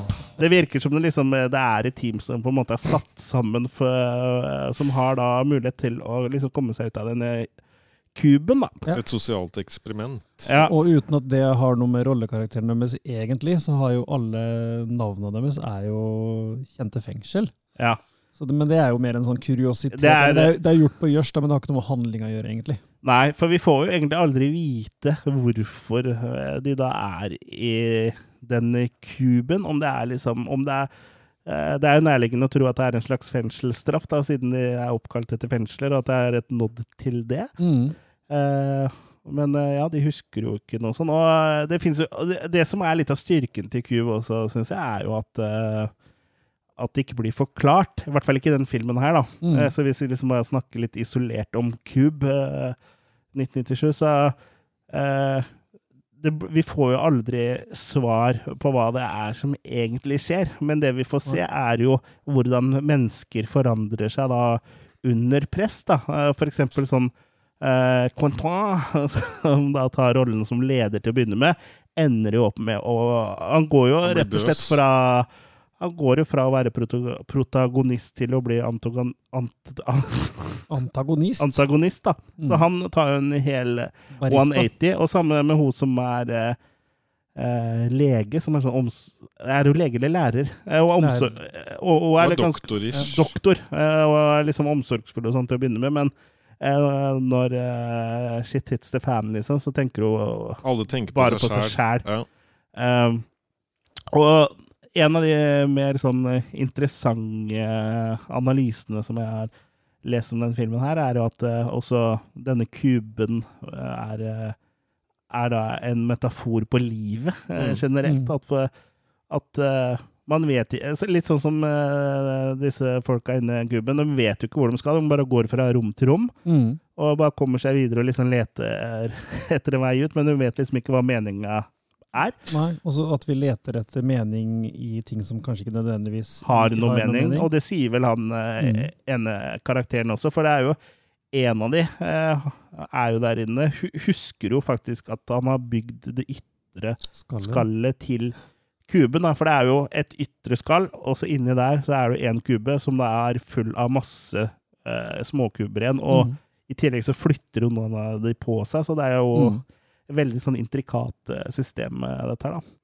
Men kan det være en litt sånn kick til sånn eh, TV-serier og sånn også? For det er jo liksom på en måte Vi sitter jo og underholdes av folk som går hverandre både på nervene og Ja, for det, det er jo også en idé at det den- Jeg kan en sang som går Det, Det det nevner de vel også, om det bare er for underholdning, liksom. Er, er det derfor vi er her, for at folk skal bli underholdt, liksom? Men jeg, jeg syns den uh, også enda mer spesifikt da, er at det, er en sånn metafor på sånn kontorlandskap, ja. hvor folk bare er samla helt uh, random Eller det er jo ikke random nødvendigvis, men det er like, det er jo ikke like folk som jobber sammen nødvendigvis. Eh, og at ikke de vet hva som skjer i de andre kubelandskapene rundt. da, F.eks. på, en arbeidsplass med veldig veldig, veldig mange ansatte. da. Ja, riktig. Som, litt som Lumen, Lumen i Ja.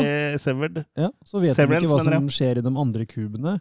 Ja. Uh, og de vet i hvert fall ikke hva som skjer på utsiden, eller Nei.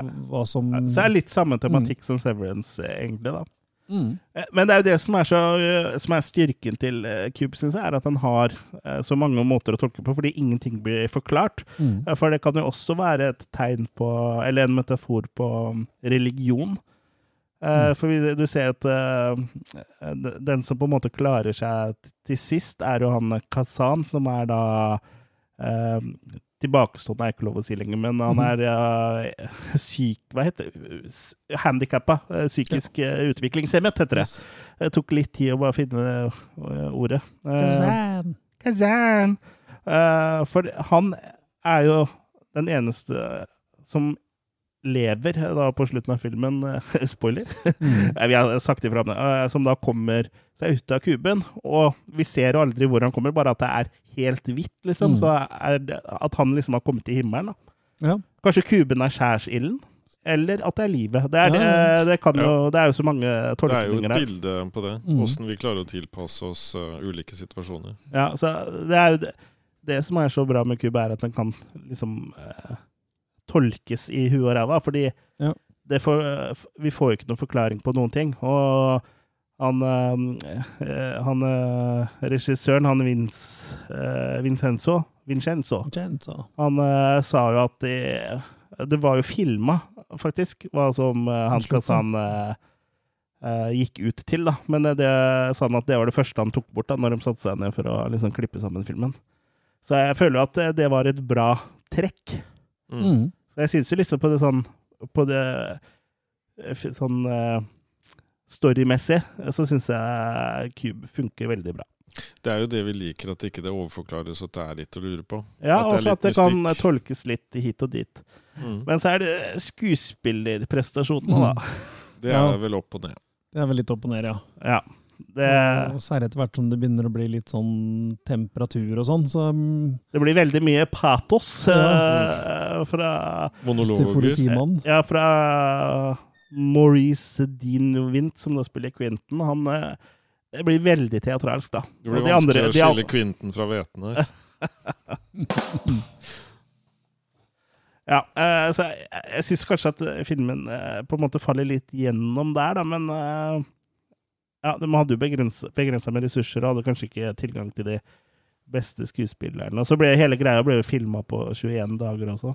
Ja, altså Det her det, det her er jo et, um, en myriade av kuber, men egentlig i virkeligheten så var det ikke så mange kuber de hadde til rådighet. Så det er litt sånn trappa i Friends, liksom. Eller i, ikke Friends, men i Big Bang Theory. Big Bang Theory Ja, de hadde en og en halv kube. Og så eh, måten de da eh, skiller de fra hverandre, er at uh, det er sånn eh, gel i, på lysa da, i, i veggene der, som Mm. er liksom røde, eh, hvite Jeg husker ikke alle fargene. Det er grønne. Blå. Ja. I want to go back to the blue room. Ja. Jeg tror, jeg tror ikke han snakka sånn. Men hva var budsjettet på den første? Det var 350 kanadiske dollar i penger, da. Og så Mm. var det litt sånn tjenester og sånn, så sånn estimert til 750 000 i verdi i tjenester da, Mm. og penger. Ok. Um, men ja uh, Det catcha ikke jeg da vi så filmen, men uh, hvilke farger rommet er i, og jeg har jo også litt uh, å si, da. For i røde rom så skjer det, skjer det noe. Red rum. Red rum, Red Ja, rum. og så tror jeg det var i hvite, så var det trygt. Og så var det, eller karakterer Jeg husker ikke helt. Jeg mener jeg bare leste noe om det, men eh, eh, ja. Jeg, Ja. jeg husker ikke akkurat ennå. Men uh, rommet har i hvert fall en uh, Det er ikke tilfeldig da hvilke farge de er. Er sant, det. Lytterne kanskje har noe formening om hvem av oss tre som hadde overlevd inni en sånn kube? Vi hadde ikke kommet gjennom det der hølet som du kommer inn og ut av. Nei, og du sitter i rullestol, så vi hadde ikke kommet oss ut av rommet om to en gang. vi. Nei. Eller én, mener jeg. Vi hadde ikke kommet oss ut av nummer to. Nei. Ja, Men det skal jo vise seg at det, hun ene har jo litt peil på matematikk, da. Så de begynner jo å fable om noe primtall og, og for å finne koder i de tallene for å komme inn til safe kuber, da. Ja, for det er, de finner ut at det er koordinater. Ja, etter hvert så er finner de ut at det er ikke bare primtall, men det er også, ja, også Ja. koordinater. Ja. Så da kan de regne seg fram til hvor mange kuber det er, Ja. og at det må være en utgang en plass, da, for det er han som har lagd skallet, har visst noe peil på det. Men så skal det jo også vise seg at de, de rommene står jo ikke i ro heller. Så de har jo også en litt sånn feeling fra den uh, Cabin in the Woods, og nok henta litt Ja, for den har jeg tenkt tenkt Ja. på flere ganger. ja, de har nok kanskje blitt inspirert litt her. Ja. Uh, men bare ikke for, for å slippe det med farger. eh, Det har ikke noe med om det er feller eller sånn. Det har mer med hva som skjer med karakterene. Ikke Ja, ja. sånn om det er feller der, men eh, ehm, sånn uh, I hviterom så gjør de en oppdagelse, og mm, rød representerer fare, fare eller død. Og mm, Kazan liker ikke rød rom. Nei, han vil ha blå. Ja, og så eh, Det er liksom dritt skjer i røde rommet. Da. Det er liksom da de konfronterer hverandre. Så selv om Da de- vært brune. Hvis så selv om de har sletta Mhm. hukommelsen på dem, så reagerer de fortsatt på farvene. At det innebærer noe. Nei, det tror jeg ikke. Jeg tror det bare er mer sånn eh, hint til oss også, som eh, seere. som seer. Okay. Men ja, rød er jo på en måte også en uh, aggressiv farge. Det er veldig få som har rødt soverom, f.eks. Mm. Nå fikk jeg lyst på rødt soverom. Ja. Du får kjøpe deg det etter, etter innspilling. Jeg ønsker meg kost til jul. Ja. Og losji, eller? Ja. Det høres ut som en italiener. Losji. Eller ja, japaner. Yoshi. Ja. Yoshi. Ja, Yes. vi snakker jo fortsatt om kube, da. Det, Vi gjør det. Ja. Nei, men jeg, ja. Det er jo på en måte Det er en utfordring å lage en underholdende film med så uh, få locations, Mm. og allikevel klare i stor grad å få fram en spenning. Ja. Det syns jeg. Ja, Mm. altså Hvis du bare ser litt forbi at uh, skuespillerne spiller litt vel mye, så er jo det her en bra film, men det er litt sånn eh, Det er et litt sånn forstyrrende element, men Mm, det De får spille på svakhetene sine. Jeg vet en film som går deg på nervene.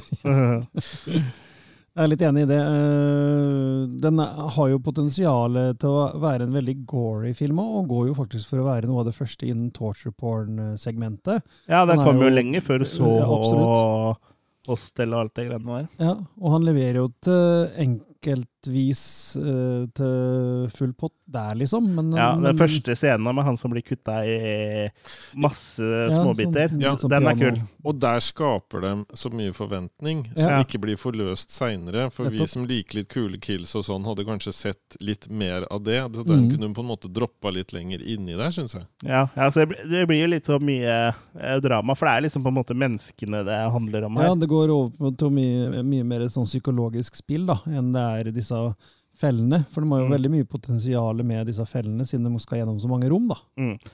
Ja, og det er jo en sånn eh, eh, Det er jo interessant å se, uh, hvis man liksom legger bort at skuespillet er sånn overdrevent i tider, uh, hvordan mennesker forandrer seg uh, når liksom livet står på spill, og hva de er Mm. villige til å gjøre mot andre for at de skal klare seg sjøl.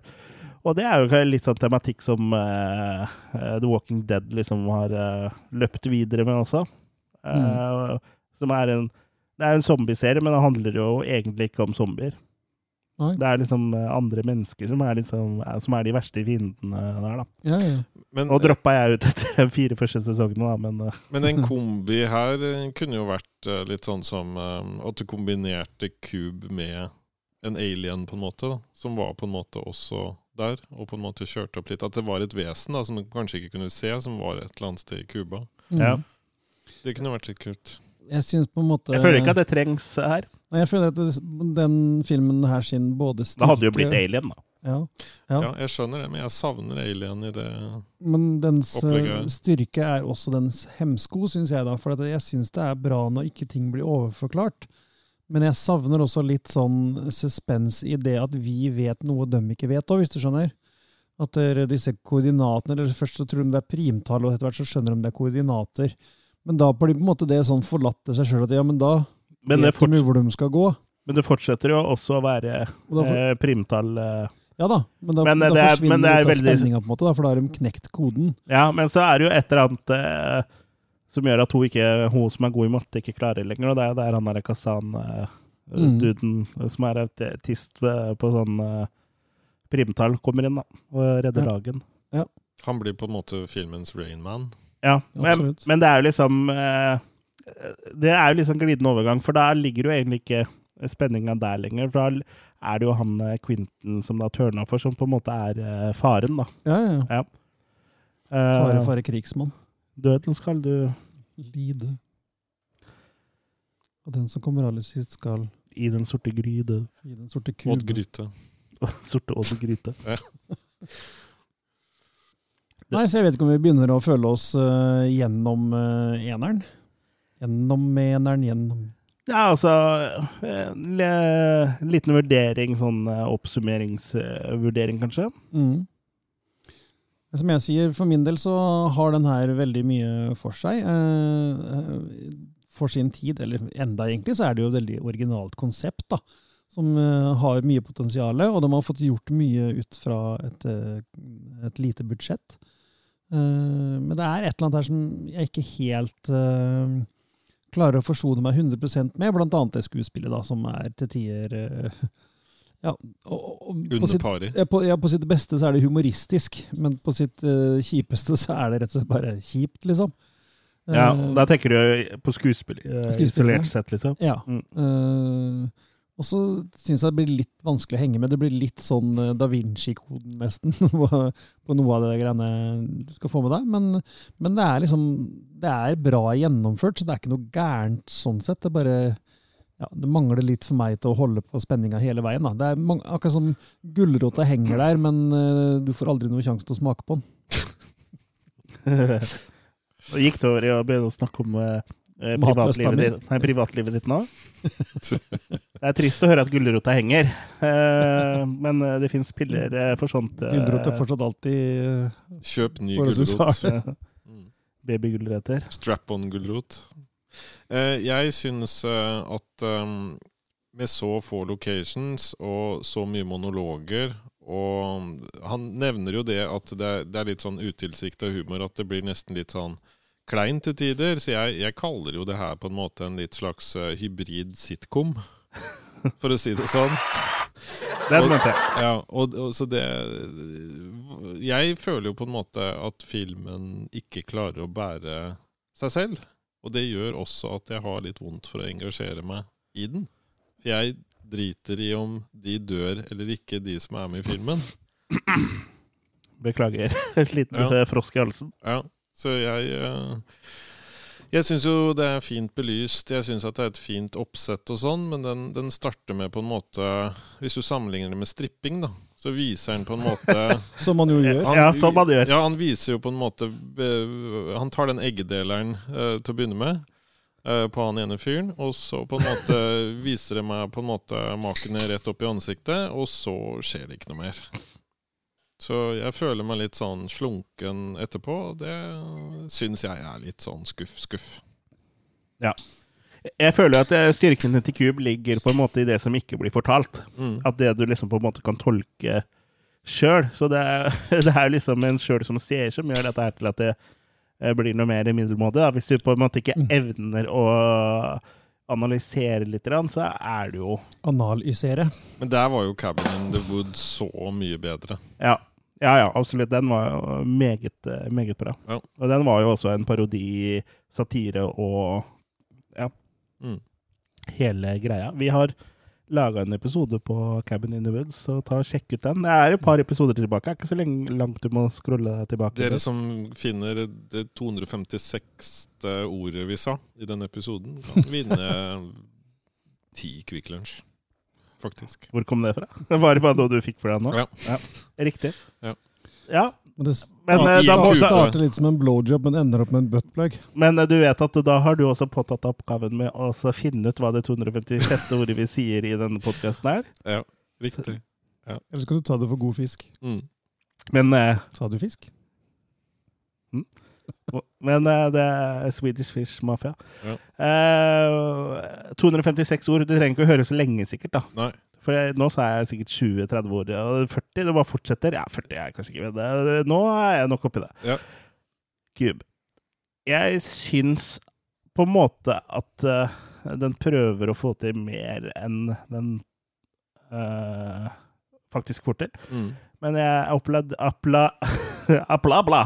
Applaus! Ja, ja. Jeg applauderer liksom det den eh, prøver å få til, og jeg syns at det er veldig bra at eh, vi, vi ler at Jørgen uh, rapa, men som regel så pleier ikke sånt å komme med på mikrofonene, så det, jeg skjønner ikke hvorfor Det er derfor vi må tid. si det. Jeg Ja, derfor pleier vi ikke, må si å, det. jeg pleier ikke å komme det, på vi si mikrofonen, jeg heller. Nei. Jo, det, det gjør det. det er Derfor måtte du bytte sokker, jo.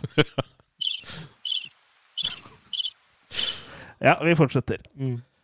Jepp. Hvorfor bytta du sokker med den? For han kom på dem.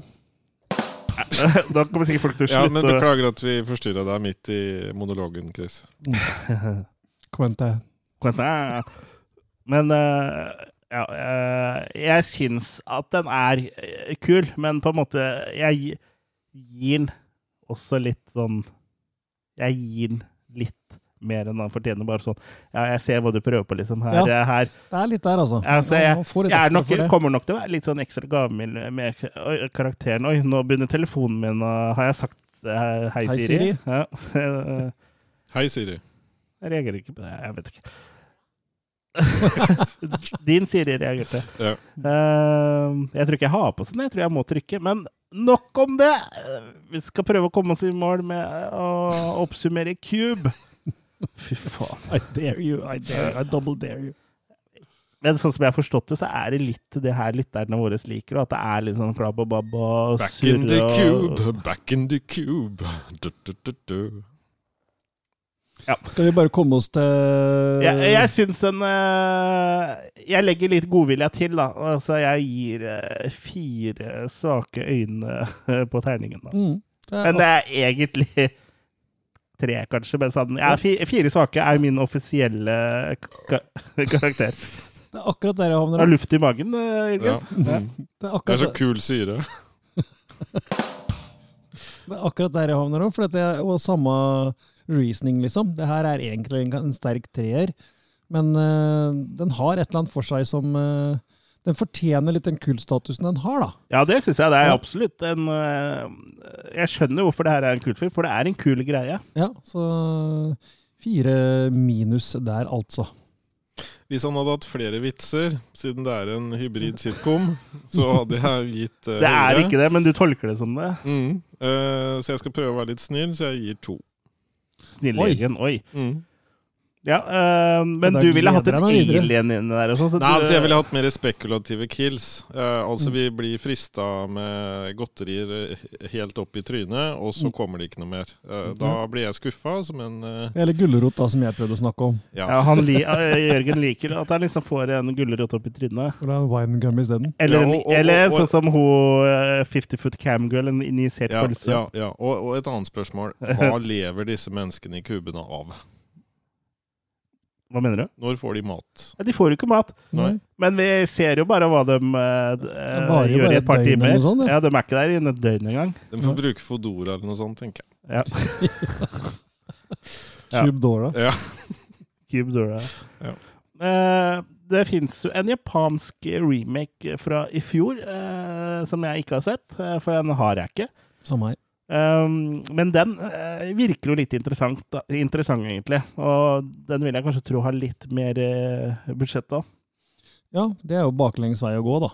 Remake en, amerik eller en uh, amerikansk film i Japan. Det er ikke det vi pleier å gjøre, er det? Nei, men Nei. det kan, jo Det kan jo hende at, Mm. at den er bra for det, da. Seks Ghost Girls våkner i en kube. Hva sa du? Seks Ghost Girls våkner i en kube. ja. Jeg, det fins andre ting enn Ghost Girls. Det har, du har Ghost Boys òg. Ah, Og Ghost Lady Boys. jeg vet hva du liker. Eh, men ja. eh, Ikke fist meg her nå. Den ser interessant ut, men jeg ser at IMDb-ratinga på Cube uh, ligger på 4,5 av 10 i, Mm. på IMDb, så kanskje den ikke Kanskje er så interessant allikevel. Men eh, det kan jo hende den har da. Det vet vi ikke. For jeg er litt enig, eh, Jørgen, at jeg skulle hatt flere av de killsa uh, som vi ser eh, i starten her, da. For det er liksom Det beste killet er jo egentlig Det er der. det første. Det er det første. De åpner så hardt, og så the blir det mykt. The first kill is the sweetest. Det First sier, cut is the deepest. ja, altså first kill is the sweetest. Det sier i Mm. hvert fall min venn Jeffrey Dahmer. Kom et Netflix-serie. Enda en gang. Ja, eh, altså en sånn eh, Ikke dokumentar, da. Er det sånn intervjugreiene menn, eller er det Nei, nei, nei, nei, nei, det er en som spiller eh, Ja, sånn Det er biopic. dramatisert. Biopic? Hei, hei, hei. Ikke slutt med det grove språket. Husk på at det er små barn som hører på. Eller det, det håper jeg ikke. Mm. Det er det ikke. Da bryter dere loven, for det står eksplisitt på denne podkasten her. I hvert fall Mm. hvis du hører på oss gjennom Apple Music. Så nå kommer politiet og knakker på din dør og kommer til å ta deg med til kuben bort Ja. fra mamma og pappa. Åpna din dør. Eller Kill Plicit. For eksempel. Skal vi gå videre, da, kanskje? Den knappen der er til vitsene til Jørgen som vi ikke skjønner, som faller igjennom. Hva- Kan du si det en gang til? Kill Plicit. Derav Killercast, liksom. Vi er ikke bare explicit, men vi er Kill Plicit. Ah. Mm, tok den. Ja, nå gjorde jeg det. Mm. Ja, den var artig, den. Mm. Men eh, Ta den med hjem. Hæ? Ta den med hjem, han i vinduet. Ja. Altså vitsen din? Mm, ja. Vann litt. Så man formerer seg. For mer eller for mindre? Fy faen. Ja, unnskyld, Raymond. Jeg, jeg har prøvd å få oss til å gå videre, men det er ingen som vil høre på. ja. Nå må vi starte opp Killikast-toget her. Ja, det tok jo fem år da, før det skulle komme en oppfølger til eh, Cube. Og den har jo, fikk jo da den eh, smug-tittel Cube 2 Hypercube.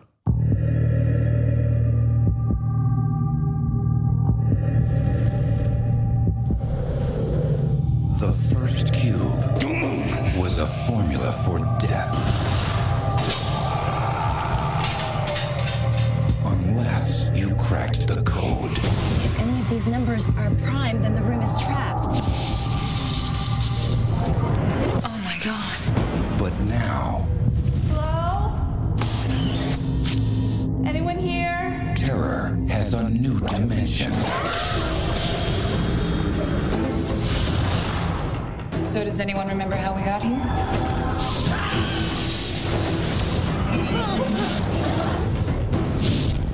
Numbers. Where's the damn numbers? This isn't a game. The first one has rules. In this place, space defies reason. All the realities are starting to collapse. Time has no meaning. Think that this is just an optical illusion or something? And reality is out to get you. The fun's just beginning. It's only a matter of time. We are definitely not alone.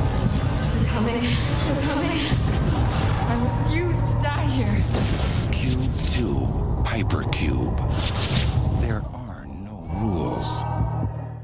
Der har vi in Woodsboro, Sydney was never safe. det er samme som er, eh, har en scream eh, Ja, det var denne stemmen eh, Ja. som vi skulle hatt her. Du- She doesn't like scary movies, but she likes to go to the beach and have fun.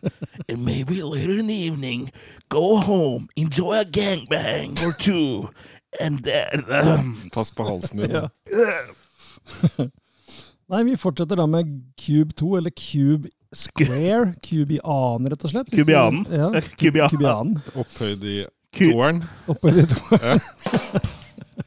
Det her er grunnen eh, til at vi ikke vinner podkastpriser. Nei, det er grunnen til at vi ikke vinner podcastpriser, er at folk eh, Det er bare Kanskje vi får Lemmy Awards.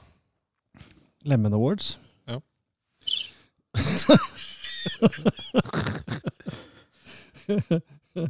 Ja, ja. Nei, men vi skal til Går det bra?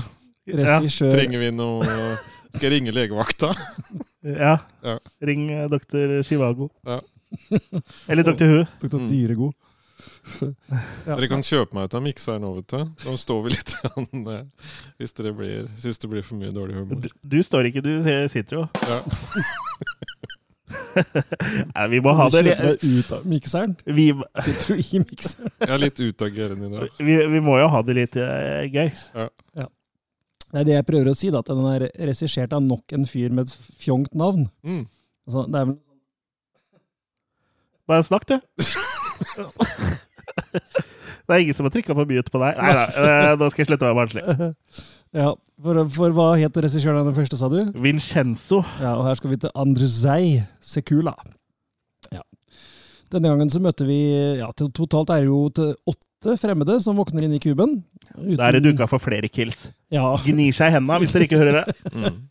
Eh, De har da ingen hukommelse, og skjønner at de eh, befinner seg i en labyrintaktig kube, da, som Hva inneholder farer og feller. De har sikkert sett på Og den mor- første filmen. Og morer. og morer. Ja. Eh, Men denne gangen så har jo kuben evolvert. Eh, Hæ? Hva sa du da? Den har evolvert. Har det, ja? Han har ikke levert. Utvikla seg på Ja. darwinsk måte. Ja, det, Ja. Flott elevert. ja. Ja. Eh, Så nå gjelder ikke nødvendigvis Eller våre- noen har oppgradert den, kanskje. da. Jeg tror ikke den har Det er firmware, eller? Ja, det, det, det skal du ikke Det si vet vi ikke, for ja. vi vet ikke om den er bygd, eller om det Ja, det er det, og, og er her er det eh, nok mer rom for uh, tolkning. eh, Og tid. Veldig bra rom Ja. for Og tid. tolkning. Og tid. Ja. Det er en kube for tolkning. Ja. Ja. Nei, det her er kunst. For våre fysiske lover om tid, rom eller tyngdekraft det gjelder jo ikke lenger. Nei. Nei. Så først møter vi jo Becky, som eh, Og her ser vi jo fra utsiden av kuben nå, tilsynelatende. Uh, Ja, At de ligger på sånn eh, Ja, hun- si. Eller sånn Ja, de ligger livløse på noe traller, nesten. Ja, og så sånn. hun leter etter dattera si uh, når hun blir bortført, da, tilsynelatende. Ja, eller hun har i hvert fall uh, Ja. Mhm. Eh, så Becky ser ut som hun blir ja, bortført slash tatt av dage, men så møter vi senere et syvkløver, holdt jeg på å si, av eh, Kate og Simon og Sasha og Max og Jerry og Julia og Mrs. Paley og Colonel Maguire. Så her er et stjernegalleri av mennesker som ingen bryr seg en tøddel om. Ja. Nei. For det, du hvis du, hvis du tenkte at i Cube at du slet med å på en måte bry deg om hva som skjedde med karakterene der, Jørgen, Ja. da lurer jeg fælt på Ja. hva du f- tenker her. Her føler jeg omsorg av en annen verden. Ja, riktig. Den prøver seg med noen bakgrunnshistorie. da, at eh, Simon er jo en privatetterforsker som leter etter Becky. Og Becky jobber for noe som heter Eyes On. Uh, Eyes off. ja, og det skal det vel også vise seg at Mrs. Paley også på en måte har gjort. Nå høres det ut som en Agathe Christie-kubefilm. Ja, men det er nesten det, da. Mhm. For Mrs. Paley er jo teoretisk matematiker. Og, og kan da knekke kodene med disse talla. Hva, hva vi skjer, hva skjer da? Har vi hørt det her før? Ja, vi har hørt det før. Ja. Eh, kubene er her, som du sier, ganske annerledes. De er mer sånn eh, eh, ja, opplyst, på en måte. Det er hvite, backlit, uh, holdt jeg på å si, eh, kuber. Eh, ser mer sånn sterile ut. Ja, litt mer uh, sjukehus på Eller ikke sjukehus heller, men litt Nei. mer sånn eh, Sinnssykehus. Litt mer sånn Ja. sci-fi-vibber. Ja. Og Trapsaw Clean sci-fi, liksom. Ikke sånn dirty, dirty sci-fi. Trapsaw er jo egentlig ikke så farlig, Dirty vil jeg Dirt. si, da. For at det er jo egentlig bare dårlig CGI. Ja. ja. Så selv om du blir drept, så ja. jeg vet ikke om noen som henger med, for det gjorde faktisk ikke jeg så mye lenger etter det her i historien. Nei, for det, det skjedde Går det bra, Jørgen? Det skjedde så jævlig mye rart, for plutselig så så de åpna dørene, og så var det Ser de seg sjøl Ser de seg sjøl drepe og så liksom bare Oi, kommer det her til å skje i framtida, Ja. eller For det er det vi ikke vet. Er det fortid, framtid? Er det en er det alternativ eh, er det multiverse, liksom? Multiverse, ja. Alternativ tidslinje. Hva er det her, liksom? Ja. Alternativ bik bikinilinje. Bakerlinje. Nei, du, må, du måtte Det klødde i hjernen. Ja, ja det, er, det er lov, det. Så nei, jeg vet ikke, jeg. Eh, Det falt vel fort gjennom for meg, dette her. Eh, Hvis den første var vanskelig å følge sånn plottmessig med disse kodene som skulle knekkes og sånn, så er det bare å gi opp her, egentlig. Og særlig med tanke på at Ja, for her var liksom Det var ikke bare hvor de befant seg i, i liksom X, Y og Z-aksen, men det var også eh, en fjerde dimensjon, liksom, som Ja. var eh, tid. Ja. Eller rom. Eller om det var begge deler. Rom i tid. Ja, jeg skal ha en tid og, og rom og cola, liksom. Ja. Så Nei, jeg vet ikke. Eh, Det er nesten ikke så mye mer å tilføre. For det, eller det, det eneste han kanskje tilførte, var vel det derre med tanken på det ISON, da, det selskapet som det kan se ut som har en finger med i spillet og har lagd det her, da. Ja. Og i og med at du også får se litt av eh, utenfor at eh, det er noen som fanger disse menneskene, kidnapper menneskene og, og fucker med hukommelsen deres, da. Ja. Men vi vet jo fortsatt ikke hvorfor. Om det er noe slags spill de spiller, eller om det faktisk er folk de mener er verdt å ta av dage, eller hva er greia, liksom. Ja, så egentlig så Det, det toeren liksom oppnår, er jo at den tar bort eh, alt som gjorde eh, eneren bra. Ja, og, måte, ja. og tilfører på en måte noe som eneren absolutt ikke trengte, og som har mer backstory. Ja. For det, jeg, det savna jeg ikke, for jeg syns det er bedre når det ikke er så mye backstory Mm. når det gjelder det meste, egentlig. Sånn som hel, første Halloween-filmen til John Carpenter, liksom. Mm. Ikke noe backstory av oppveksten til Michael Myers og, og hvorfor han er sånn han er. Han er bare eh, så pur ondskap, som eh, din favorittskuespiller uh, sier, eh, Jørgen. Mm. Donald Presence i Halloween, så liker du den vel? Ja, altså, jeg klarer ikke å være sur på den lenger. Jeg, Nei, det, Må- du, må dere har begravd eh, stridsøksa. Ja, ikke sant. Han ville begrave meg. Så han har stått opp igjen Men så var det han ta som døde først. Ja. Han sto jo opp for Halloween-kills, i hvert fall i Mm. CGI-form. Jeg føler det er jeg som nå må Mm. stå opp for han. Jeg har reist opp, da. Ja, ja men jeg kan det. Se her. Ja, ja da, ja da. Nei, ja, er forsiktig! Nei da. Nei, OK, der eh, falt Jørgen om. Om og men. Nå kan du bla om til eh, neste side. Det var den lyden. Ja. Ja, Eh, Jo, jeg har glemt den der synkroniserte klokken òg. Det er jo synkronsvømming i kuben Ja. som fyller seg med vann. Det ja de synkroniserte klokkene har jeg glemt å snakke om, Ja. eh, Kurt. Nå har vi snakka om det. Ja, det, Du vil ikke tilføye uh... Nei, det, det er nok en sånn ting de kaster på deg for at det skal liksom gi en eller annen form for mening her, eller gjøre deg interessert, eller jeg vet da pokker, jeg. Trenger du å finne meningen med livet? Det funker bare ikke, liksom. Kub 2. Ja. Trenger du å bli lei i livet? Ja, for åssen var det med klokken igjen? Eh, For nå fikk jeg liksom eh, Jeg mener du husker at det var noe, men så husker jeg ikke hva det var. Jo, det er jo det med klokkene som eh, De viser samme Samme klokkeslett. Men de endrer seg jo i noen av rommene fordi at det er enten en annen tidslinje, eller om det er Ja, jeg, jeg husker Det er litt sånn som når jeg er her med dere, så føler jeg at tiden står uh, Stille. stille. Ja. Men Oi, det, det, er, var ikke, Nei, var ikke den- verdt en hel sånn gang. Men det er visst ett spesifikt klokkeslett som også skal symbolisere jeg tror det er utgangen eller et eller annet sånt. Og det er det koordinat, det òg, tror jeg. Ja, riktig. Noe sånt. 0315. Men i den ene kuben så ser jo han med klokka har en annen tid, for det er en annen ja. Ja, for han samler alle klokkene, han. Ja. Ja, det husker jeg nå. Mm. For det var jo han som drepte hun andre, som de så gjennom døra. Jeg vet hva, De kunne hatt Rubiks kube der, syns jeg. Ja, Rubik litt- kunne Ja. styrt eh, rundt inne sjøl. Mm. Jo, også det med hypercube òg. Hyper, hyper! For det er jo også en, en geometrisk figur som utgår fra en vanlig kube, men hvis du trekker å si, streker ut for å danne kuben utafor kuben, så kan den geometrisk endre seg til å bli i masse forskjellige geometriske figurer igjen. da, Og det gjør den jo her i elendig CGI, da. Hvor han flyr rundt i rom og prøver å drepe folk.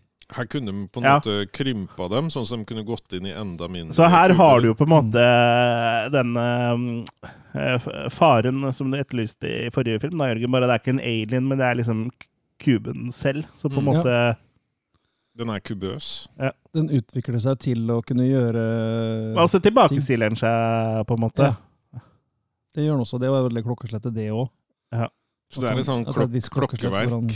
Ja, det er- Går tilbake til zero. Ja, det er en klassiker, dette. Når er det de gjør igjen kuben og sånn, da?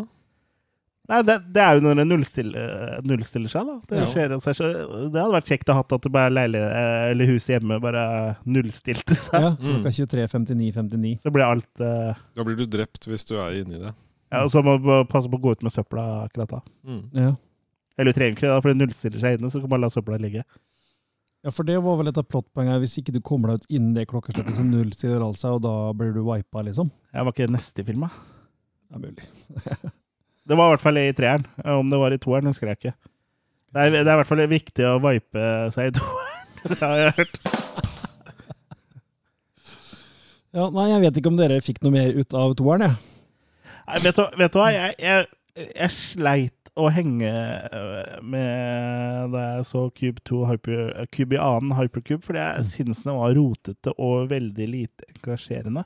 Mm. Så beklager uh, Raymond Caspersen at vi hvis vi pisser på dine favorittfilmer nå, men det her var ikke helt min kopp te. Altså, det føltes ut som en sånn eh, eh, håper å si dårlig episode av, men ikke deler. En dårlig episode av en dårlig kopi av uh, Twilight uh, Zone, liksom.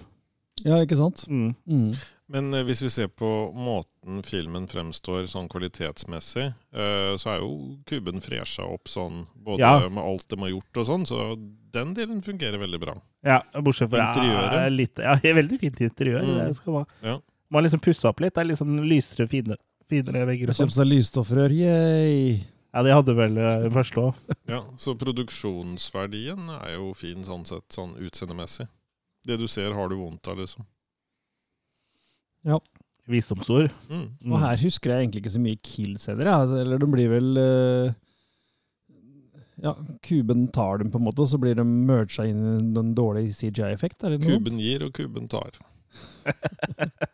Eh, du er eh, Du er sånn tilhenger av kubismen. Mm. Ja. Filosofiske hjørne. Ja. Men si hva du virkelig mener. Han sitter i filos filosofiske kuben. Mm. Si det, da. Ja. Ja. Hva, Jørgen? Hva, det hø du høres jo litt mer positiv ut i den her, men er, er, Ja, altså, eller er det bare tøys og moro? På, på, på en måte så syns jeg den på en måte hadde øh, noe sånn sett på en måte, da, da ble det mer komplett uforståelig. øh, sånn sett. Så den, Så hjernen din kunne den henge bedre makser jo på en måte ut på å bedøve hodet mitt. Mm. Så alternativ til smertestillende kan være å se Cube 2. Tja, deg om det. Hvis jeg liksom på en måte sager av meg beinet eller blæra med motorsag i en ulykke, så kan jeg heller se Cube 2 enn å få sterk smertestillende. Ja, så det, Jeg vet ikke om den lindra så veldig. Den, Jeg ville hørt med legevakta. Ja. Ja. Jeg ville heller brukt den mot uh, søvnmangel. Det kan jo være en sånn uh, sjekk eh, regel uansett. Liksom, hør med legen din før du ser Cube 2 Hypercube. Mm. Han fås på resept. For det er jo sånn, sånn kode som går inn i hvert eneste rom også. 60 65-9, ikke 69. Ja, nei, jeg syns den her er rotete og uforløsende. Ufin. Jeg vil bli ferdig med den, jeg. Så jeg sier Uengasjerende. Ja, terningkast én. Ja, det er såpass. Ja, Jørgen? Ja. Jeg tror jeg slenger meg på, på den uh, eneren. Det er ikke noe jeg tror jeg kommer til å se igjen. nei, det skal jeg love deg at jeg ikke kommer til å gjøre. Så bedre enn eneren, men et hakk ned på terningen. Ja, eneren var vi jo ganske forsjust i, i hvert fall eh, Ja, det den du to, og jeg, da. og den her Dere kommer kanskje til å bli overraska over hvem jeg liker bedre. Ja, Ja, det er ikke så så veldig overraskende, for det er én film igjen, det er Det som var litt morsomt. Ja. Men ja eh, Nei, det må bli én. Det her var trevlige greier, altså. Så det er jo rart at noen eh, ville bruke penger på å lage Du kan bruke den for å teste lyden på anlegget ditt. Før så fikk du jo det på DVD og sånn, sånn som testa surround-anlegget ditt Ja. og sånn. Kan kaste den inn der. Det er vel det du får Cube på, er vel DVD det er jo Blu-ray det òg. Eller den er på Via. Alle fire Cube-filmene er forresten å finne på Viaplay for de som abonnerer på det og ikke har de fysisk. Mm. Jeg anskaffet de jo fysisk eh, eh, til denne episoden. Um, de var litt vanskelig å få tak i. I hvert fall Cube 2 Hypercube tror jeg kjøpte på italiensk Blu-ray. Mm. Og den vi skal snakke om nå, Cube eh, eh, Zero, eh, den eh, var vel bare DVD jeg fikk tak i. Mens den første var ikke sånn kjempevanskelig å få tak i. Men eh, ja. Eh, det tok ikke så lang tid før eh, det kom en oppfølger eh, For vi er ferdig med Cube, 2, Cube i annen Hypercube nå. Om vi er. Vi glemmer den. For to år eh, Den eksisterer ikke. To år senere så kom da Cube Zero. Subject located. Here we go.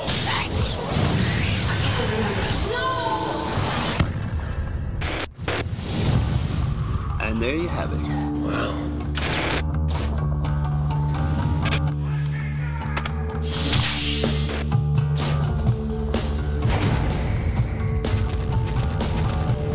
Some kind of code we have to figure out. She's doing better than most. Half of them don't even notice the letters, let alone map them. Don't get involved. She doesn't stand a chance. Of course, she has a chance. Yeah? You gonna ride in on your white horse and whisk her out? She's gonna die in there, and she's probably innocent. What are you doing? You're not allowed in there. No! I'm inside. Who the hell are you? I've come to help. No!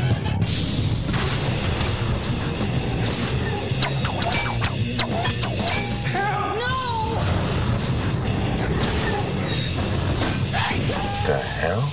Letters. He just disappeared. I know I'm here. Move it! Get a squad to the exit point. Run! They're playing with us. Prepare to die. Don't I get a choice? Don't all the condemned get a choice?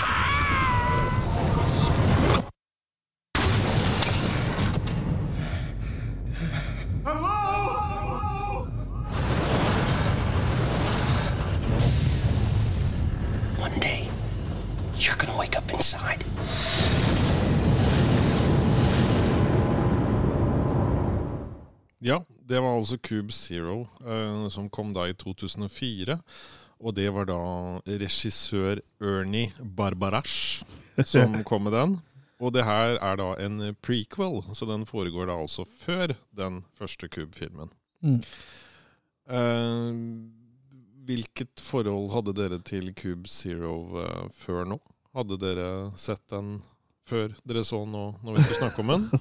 Nei, Nei? det hadde vi ikke. Nei. Eh, Hadde du? Vi snakka om det her i starten av podkasten. Ja, altså jeg bare gjentar meg selv. Ja. Jeg, bare, jeg, jeg, jeg hadde i hvert fall ikke sett den heller.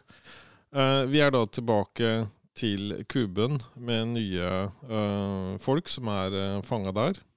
Det som er på en måte likhetene med den første kuben og den her, det er det at de husker ikke hvorfor de er der, og de vil ut. I tillegg så får vi en ny dimensjon. At vi ser observatører som da følger med, og på en måte gjør også ting direkte med folk i kuben. De høster bl.a. ut eh, drømmer på det ene objektet der. Og det blir også en intera flere interaksjoner underveis, da. Fordi Mm. han ene som heter Erik, eh, observatør, han eh, går også til det skrittet å blande seg inn i selve kuben. Så det, det blir litt mer sånn samspill her, enn at vi Mm. bare er inne i kuben. Ja, og han faller jo litt for hun mm, Cassandra. Cassandra, som Ja. han liksom syns eh, ikke fortjener å dø, da, og hun har jo de, de har jo sånn eh, I det rommet de sitter, disse observatørene, så er det sånn stort sånn eh, arki, Masse arkivskap også, Ja. og Mm. han finner jo ikke um, samtykkeskjemaet hennes, for det har uh, tydeligvis alle, alle, der, da. Har han blitt fortalt, i hvert fall? Ja. Ja, Så det er en for, del for de vet jo ikke der. om uh, det stemmer, det som står i disse uh, arkivmappene heller. Mm. Nei. Det er jo to karer som i, har som en slags jobb da å sitte og være observatører, eh, i hvert fall som vi får følge. Eh, og de to karene, han ene begynner vel å sette litt spørsmålstegn da, med hva fanker det er vi driver med her. Ja, Eric, ja. Ja, og Han har særlig da, han, samvittighet. ja, særlig da, da når han faller litt for hun ene der. Mm. Eh, samtidig så er det jo veldig tydelig at de også er der under tvang, da. Det er Ja. ikke en ni til fire-jobb som de går til frivillig hver dag, dette her. Ja, eller på en måte så er du frivillig, frivillig, men de vet ikke hvorfor de er der, dem heller. Mm. Eh, så de kan jo ikke dra derfra. Uh, ja. så ja, det tilfører liksom en uh, ekstra dimensjon, som uh, Jørgen sier. Da, at, Mm. At de observatørene også på en måte er liksom eh, Har ikke fri vilje, at de også er der uten å vite hvorfor, da. Ja, Ja. De er bare en del av maskinverket, holdt jeg på å si, klokkeverket. For det ironiske er jo at de får jo beskjed om at alle dem som er inne i kuben, de fortjener på en måte å være der. At, de, at igjen da, at det er en slags sånn type Fengsel eller fengsel straff. eller straff Ja. eller sånn, ja. Ja. Uh, og da er det jo rart at de sjøl ikke tenker på men hva, hvorfor er vi her da? Er det vår straff, liksom, å sitte her? Mm. Er det vår eh, bane i livet, siden de ikke har noe annet? Kanskje hjernen deres er uh, severed. Kanskje det? Ja, for, det, for her, av eh, de tre Her eh, minner jo litt om sånn samme tematikk som er i Det, det virker som jeg har fått betalt av Apple for å snakke om den serien her, og det har jeg jo. Neida, men det, det er liksom litt av samme greiene. Mm. Hei, Siri. Hei, Jørgen. Hva kan jeg hjelpe deg med? Ja. Her er dine favoritter på Pornhub. Ja, snakk uh, grisete til meg. Vil du fortsette å se dverger? OK. Kortvokste. Barnyard midget Born. Mm. Barnyard Midget. Mhm. Min spilleliste er lagret. Mm. Er Syng sånn, spilleliste men det er litt sånn også en slags uh, ja, Kall det ironi, da. At det, det vi ikke ville se i eneren, det får vi, på- får vi på en måte her. Det, vi. Nei, det er treeren. Det er er nå. Ja, vi er på nulleren. det du, det ikke, eh, fikk se i eneren, men ville se i toeren, men eh, fikk du først i treeren. i nulleren. Ja, i nulleren. Ja. I the big O. The big O. For, for det tilfører faktisk en kul ting her. Og så kan du vel eh, sette et lite spørsmålstegn hvor mye det tilfører når vi får se enda et lag etter hvert, da. Det tilfører jo væske her, da. Han ene som tror han får Eh, vann. Vi er eh, Vi spoiler, så bare Det er jo en som blir spruta ned her idet han tror er vann. Ja, Ja. for det starter Åh, ja, med det er det feteste killet ever her. med Ja, han som smelter. Mm. Body body melting. melt. Melting man. Og jeg syns jo også det praktiske effektene her er jo tilbake på et nivå som er skikkelig kult. da. Ja. Både åssen kubene ser ut, syns jeg er fetere her. At det er mer sånn industrilook og sånn. Jeg Mm. liker det, da. Ja. Og det, særlig det første killet da, med han fyren som smelter, er jo helt fabelaktig. Ja. Mm. Jeg smelta faen. absolutt. absolutt. Men som sagt, etter hvert så får du en Vi må betale ti kroner hver gang vi bruker den. Skjønner. Ja. Så nå Det går sånn på medlemmene. Nå må vi lage sånn swearing jar for å ha råd til å bruke den knappen. Ja, Ja. De som hører på, vil vel kanskje at vi skal ha en eller annen straff. Nei da. Men det er noen som kontrollerer observatørene også, da. Ja, det er akkurat det. Så vi får jo et lag til der. Mm. Eh, eh, A-laget. A-laget. Og Mm. der er det jo en artig kar, eh, Chris. Jax. Ja, for etter at han uh, Eric har uh, brutt seg, eller tatt heisen ned og liksom gått inn i kuben med de andre, så kommer jo da han uh, Jax, som liksom er en sånn slags sjef. Han har med seg to sånne henchmen som, Mm. som sitter og hacker, da, i mangel av bedre forklaring. For de har sånne der, eh, sølvgreier på fingrene. Ja. Og så bare tar de og så sveiper hånda over tastaturene som er eh, nede hos de observatørene. Så bare snur de rundt, og så er det liksom sånn Jeg ser ut som sånn eh, koblingsskjema, eller bak, uh, baksida av et kretskort, liksom. Så sitter de og tar på de med de der uh, Er ikke det litt sånn uh, Lawnmower Man, virtual Jo, jo. reality? Ja, det er litt sånn uh, Istedenfor å bruke taster, liksom, det trenger du ikke, Mm. så bare har hun bare eh, Seg på at, de bare, ja, at de bare lager kretser, liksom. Ikke sant? Det med Mm. direkte kontakt. Direkte mm. kontakt. Men han eh, Jax er jo artig, da, for han mangler jo et eh, øye. Mm. Og har et eller annet Han har desto mer. Ja, for han har jo noe som ser ut som en kameralinse eller et eller annet her, men det er eh, sminkeeffekt. Du sa praktiske effektene var veldig bra her. Det er, de brukte nok opp det på Kilsa i kuben. ja, for det øyet ser jo helt jævlig ut, men det er jo det som gjør det morsomt, da, når han går rundt på den stokken og det der eh, eh, øyet og Han er eh, også ganske teatralsk, da, han Michael Riley som spiller Jax her. Han kjører Ja. jo på, liksom. Han sparer ja, ikke på kruttet. Ja, så akkurat det var en av Han er en av favorittene mine med Cube Zero. Jeg fikk veldig lyst til å se The Mangler igjen.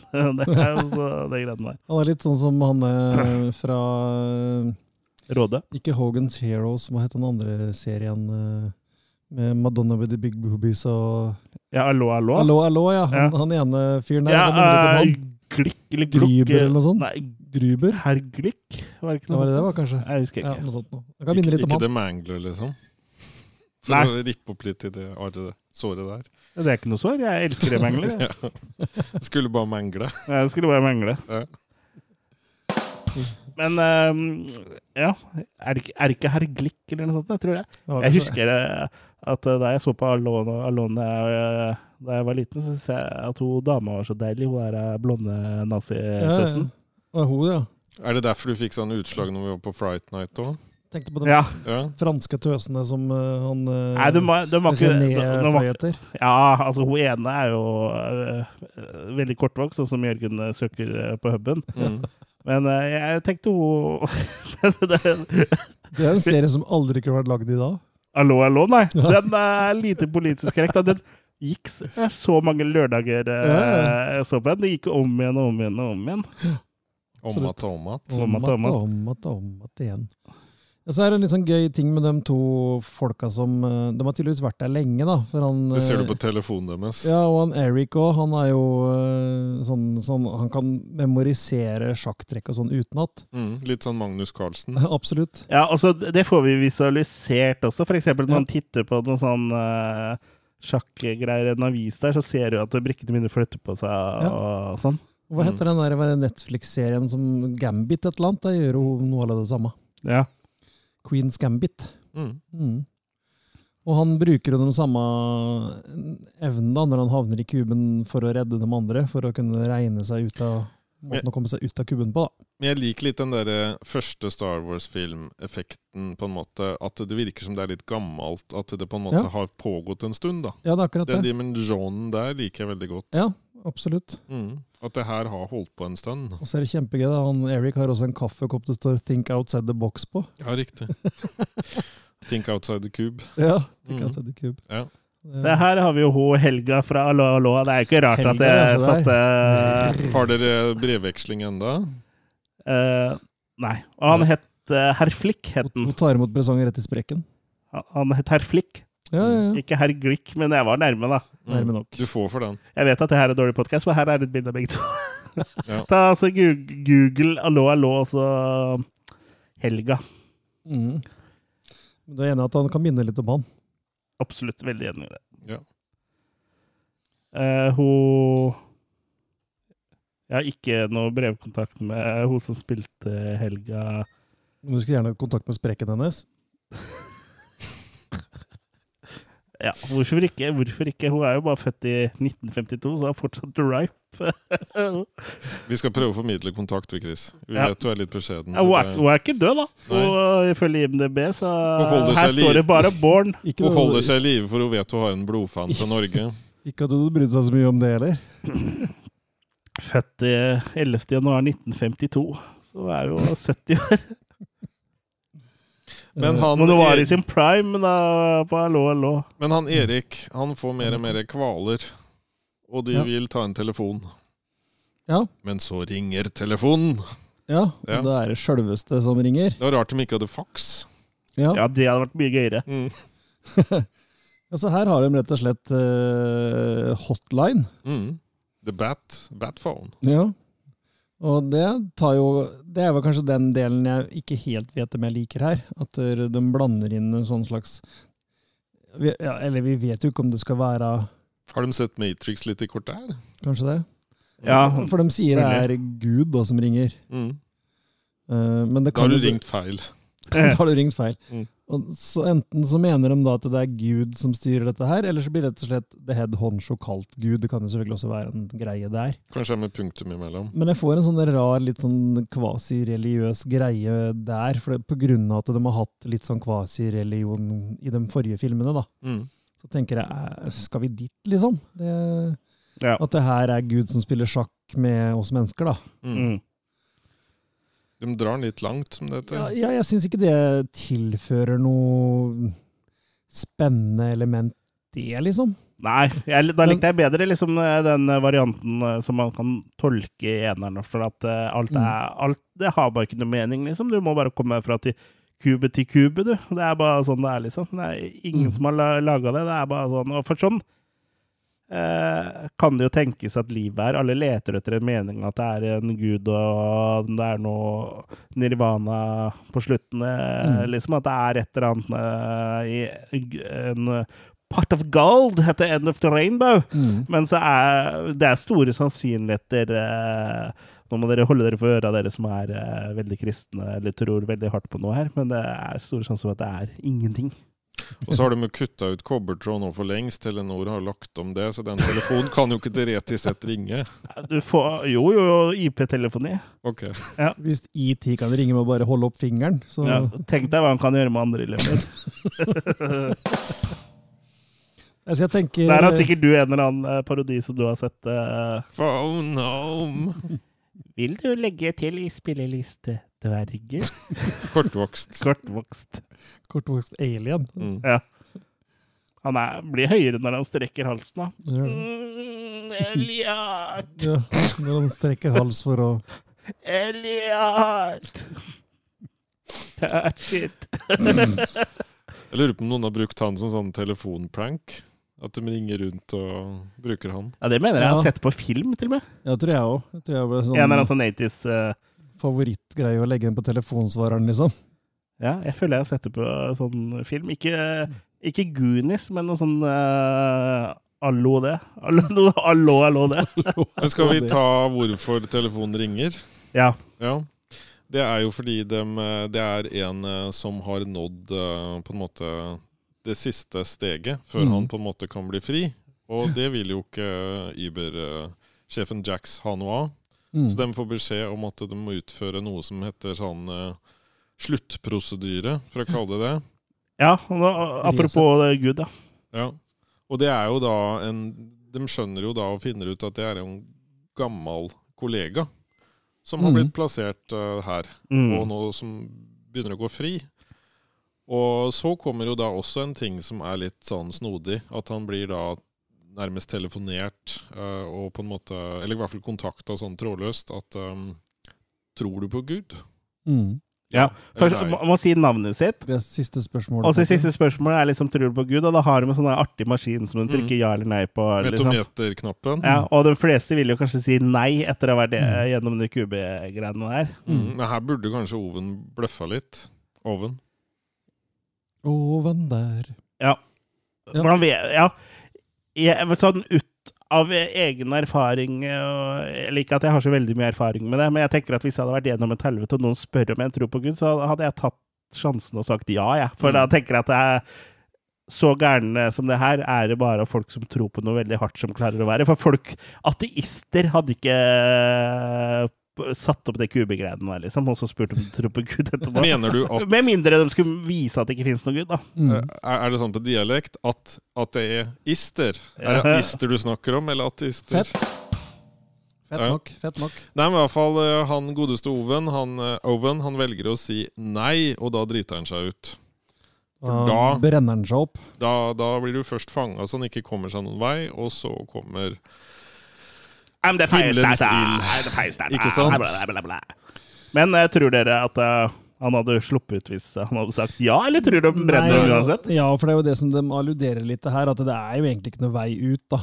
Nei, Hvem Nei. Og det, og det er jo på en måte greit nok, det, men da trenger de ikke den der Gud-connection. Da trenger de ikke den der mer bakenforliggende At det er noen som styrer med dette her, spiller et spill, driver med marionette, skyggeteater, whatever. Ja. Men jeg, men jeg Eh, tenker at, eh, at det ikke nødvendigvis er at de, at de heller tror at det er en gud. At, liksom, blir, at eh, jeg er guden din, liksom. Det er jeg som styrer deg gjennom denne Ja. kuben. Kanskje Ja. blir sponsa av statistisk At han øverste sjefen som ringer i telefonen, hvis det er øverste sjef, da At uh, han bare er en stormannsgal eh, fyr som har fått bygd dette her, liksom. I'm your god now! Kanskje han egentlig heter Doug, og så har han bare sett navnet hans i et speil? det, det som Ja. ikke kommer fram her, er jo at de driver markedsundersøkelse. Og da driver de da for Statistisk sentralbyrå og samler inn hvor mange som tror. Ja, Derav alle arkivskappa. Ja, og så får de jo ja, så det, er, det er bare sånne utfyllingsskjemaer. Ja, og sånn sett så blir det jo stadig færre eh, som ikke tror på Gud, da, fordi alle dem blir jo Ja. Tenk deg det, Statistisk sentralbyrå rigger deg på liksom bare Hei, det er fra Statistisk sentralbyrå. Snakker jeg med Jørgen Foss Jacobsen? Ja. Tror du på Gud? Og så skal jeg si nei. Tror du på Gud? Så kommer det en flamme ut av telefonen. Tror du på Gud? Uh, ja. Nei. Mm. Ja. Da blir det tomt til slutt. Da blir det litt sånn som Joas vitne tror, at det skal bare være igjen 20 000 eller noe sånt. Ja, det er litt sånn samme eh, Det er vel egentlig sånn eh, alle religioner på en måte har fått fotfeste. Eh, Vi trenger ikke gå lenger enn til eget land når Norge blir kristnet for Ja, ja. sånn eh, 1000 år siden cirka. Det var sånn eh, tror, tror du på Gud? Eller tar du imot Gud? Nei, jeg tror på Odin og Thor. Pff, Av med hodet. Ja. Og så disse neste Tror du på Gud? Nei, jeg tror på Odin. Og så tredje man liksom bare Tror du på Gud? Eh, ja. det, det har jo litt som eh, Så gikk han tilbake og tilba Odin. Ja. I smug. I smaug. mm. Men uh, de uh, Mer om vikingtiden i neste episode. Siden Erik da Erik har klart å hjelpe Cassandra ut, Mm. så kommer de seg da på utsiden, og der venter det også folk som uh, ser skumle ut og kledd i uh, drakter, Ja, som for- da vil skyte dem. For han er jo nærmest eh, liten sånn foreshadowing, det her. Han Eric er, er jo nesten litt autistisk. Mm. Og han kan jo liksom mye av kuben uten at Han finner ut at de kommer seg liksom til nødutgangen, Mm. som det er gjen, gjennom luka Der er det sånn nødtelefon du kan ringe, sånn som i Ja. tunneler. Ja. Ja. Og, og så den luka åpner seg liksom ut i et vann, og så Mm. svømmer de til sikkerhet. Mm, sikkerhet tror er, Det er et et de, område som heter sikkerhet. De svømmer Unnskyld, tid, sikkerhet. altså, er- men i den skogen de løper i, da, som er samme skogen vi så henne løpe i drømmene sine, Mm. eh, så skyter jo sånne soldater eh, Sånn, eh, eh, bedøvelse. Kubesoldater eh, skyter jo etter henne, og de treffer jo Eric, da. Mm. Ja. Som blir frakta tilbake til Kuben. Han bruker lang kuben. tid på å bli å svime, da. Ja, og så ja, Jax kan jo fortelle at han, nå ryker jo han rett inn i, i kuben igjen, ikke sant? Og han er skyldig i det og det, og samtykkeskjema er her og sånn. Og så blir han jo helt lobotomert. Mm. Og så slutter jo filmen med at han sitter uh, eh, Han er inne i kuben igjen. Ja, og ikke liker uh, det grønne rommet, eller rødrommet, eller hva for Mm. det. Så det, er- det her er jo da origins, origin Opprinnelseshistorien til eh, Kazan, eh, Ja. finner vi ut, for Eric er jo da Kazan. Men Ja. hvorfor kunne vi ikke gjort den fargeblind? Si det. Nå visste vel ikke at uh, han ville være så opptatt av farger. Nei. Men akkurat den uh, tvisten med at han uh, ble Kazan, den uh, syns jeg var litt artig, for den så Ja. jeg egentlig ikke komme sånn Ja, eller i hvert fall en tilsvarende figur, da. At de som er eh, tilbakestående holdt jeg på å si, i kubene, er folk som har klart å rømme, men som Dem som står inn tilbake, må du si da. Ja. Ja, altså er- psykisk utviklingshemmed. Ja, har vært, Bare fordi du er eh, psykisk Ja, hvis du sjøl, så kan du ikke si tilbakestående. Det er sant. Men hvis du er lobotomert, så kan du vel si du er tilbakestående, for da er det ikke frivillig eller medfødt, eller hva du skal kalle det. Ja, det er greit at de sier det sjøl, tror jeg. Men, uh, men jeg tolka det som at han var, at han var Kazan, da, i og med at det er en prequel. Ja, ja. Jeg har bare tolka det sånn at det er den type mm, folk da, som blir satt inn igjen som savanter. Mm. Det er Men eh, det er jo film, og vi kan jo tolke hva vi vil. Mm. Den blir satt i bås, i hvert fall. For eh, han eh, heter jo ikke akkurat Kazan. Nei, men han vet jo faen ikke hva han heter, for han er jo lobotomert. Så det kan, han kan hende han bare har fått Men et det står jo på draktene deres i de andre filmene. Ja ja, men hvem som helst kan jo ta på han en drakt som det står Så Kazan på. Men uansett Det er eh, åpent for tolkning. En Mm. eh, Hva skal vi si? En kulere slutt enn kanskje mange av de andre, men samtidig er det kanskje litt mer overforklart her enn det vi trenger òg, da. Så jeg vet ikke helt jeg hva dere tenker. Nei, jeg syns den eh, smakte bedre enn toeren. men eh, det syns jeg. Men det skal jo jaggu ikke så mye til, for det var jo et uh, trainwreck i flere dimensjoner. Ja. Er jo blant annet denne scenen hvor de helt på slutta der er så nærme til å komme ut som det lar seg gjøre. Så får de beskjed om at det er 30 sekunder igjen. Jeg tror jeg tok tida. Det tok vel to minutter eller noe sånt. De 30 sekundene. Det er på film, da. Ja, det er jo på film. Mm.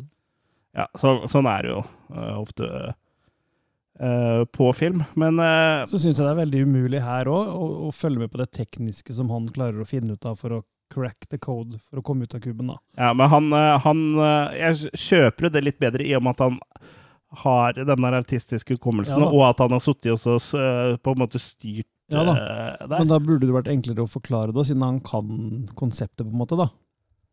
Ja, Åssen tenker du at det ikke ble forklart?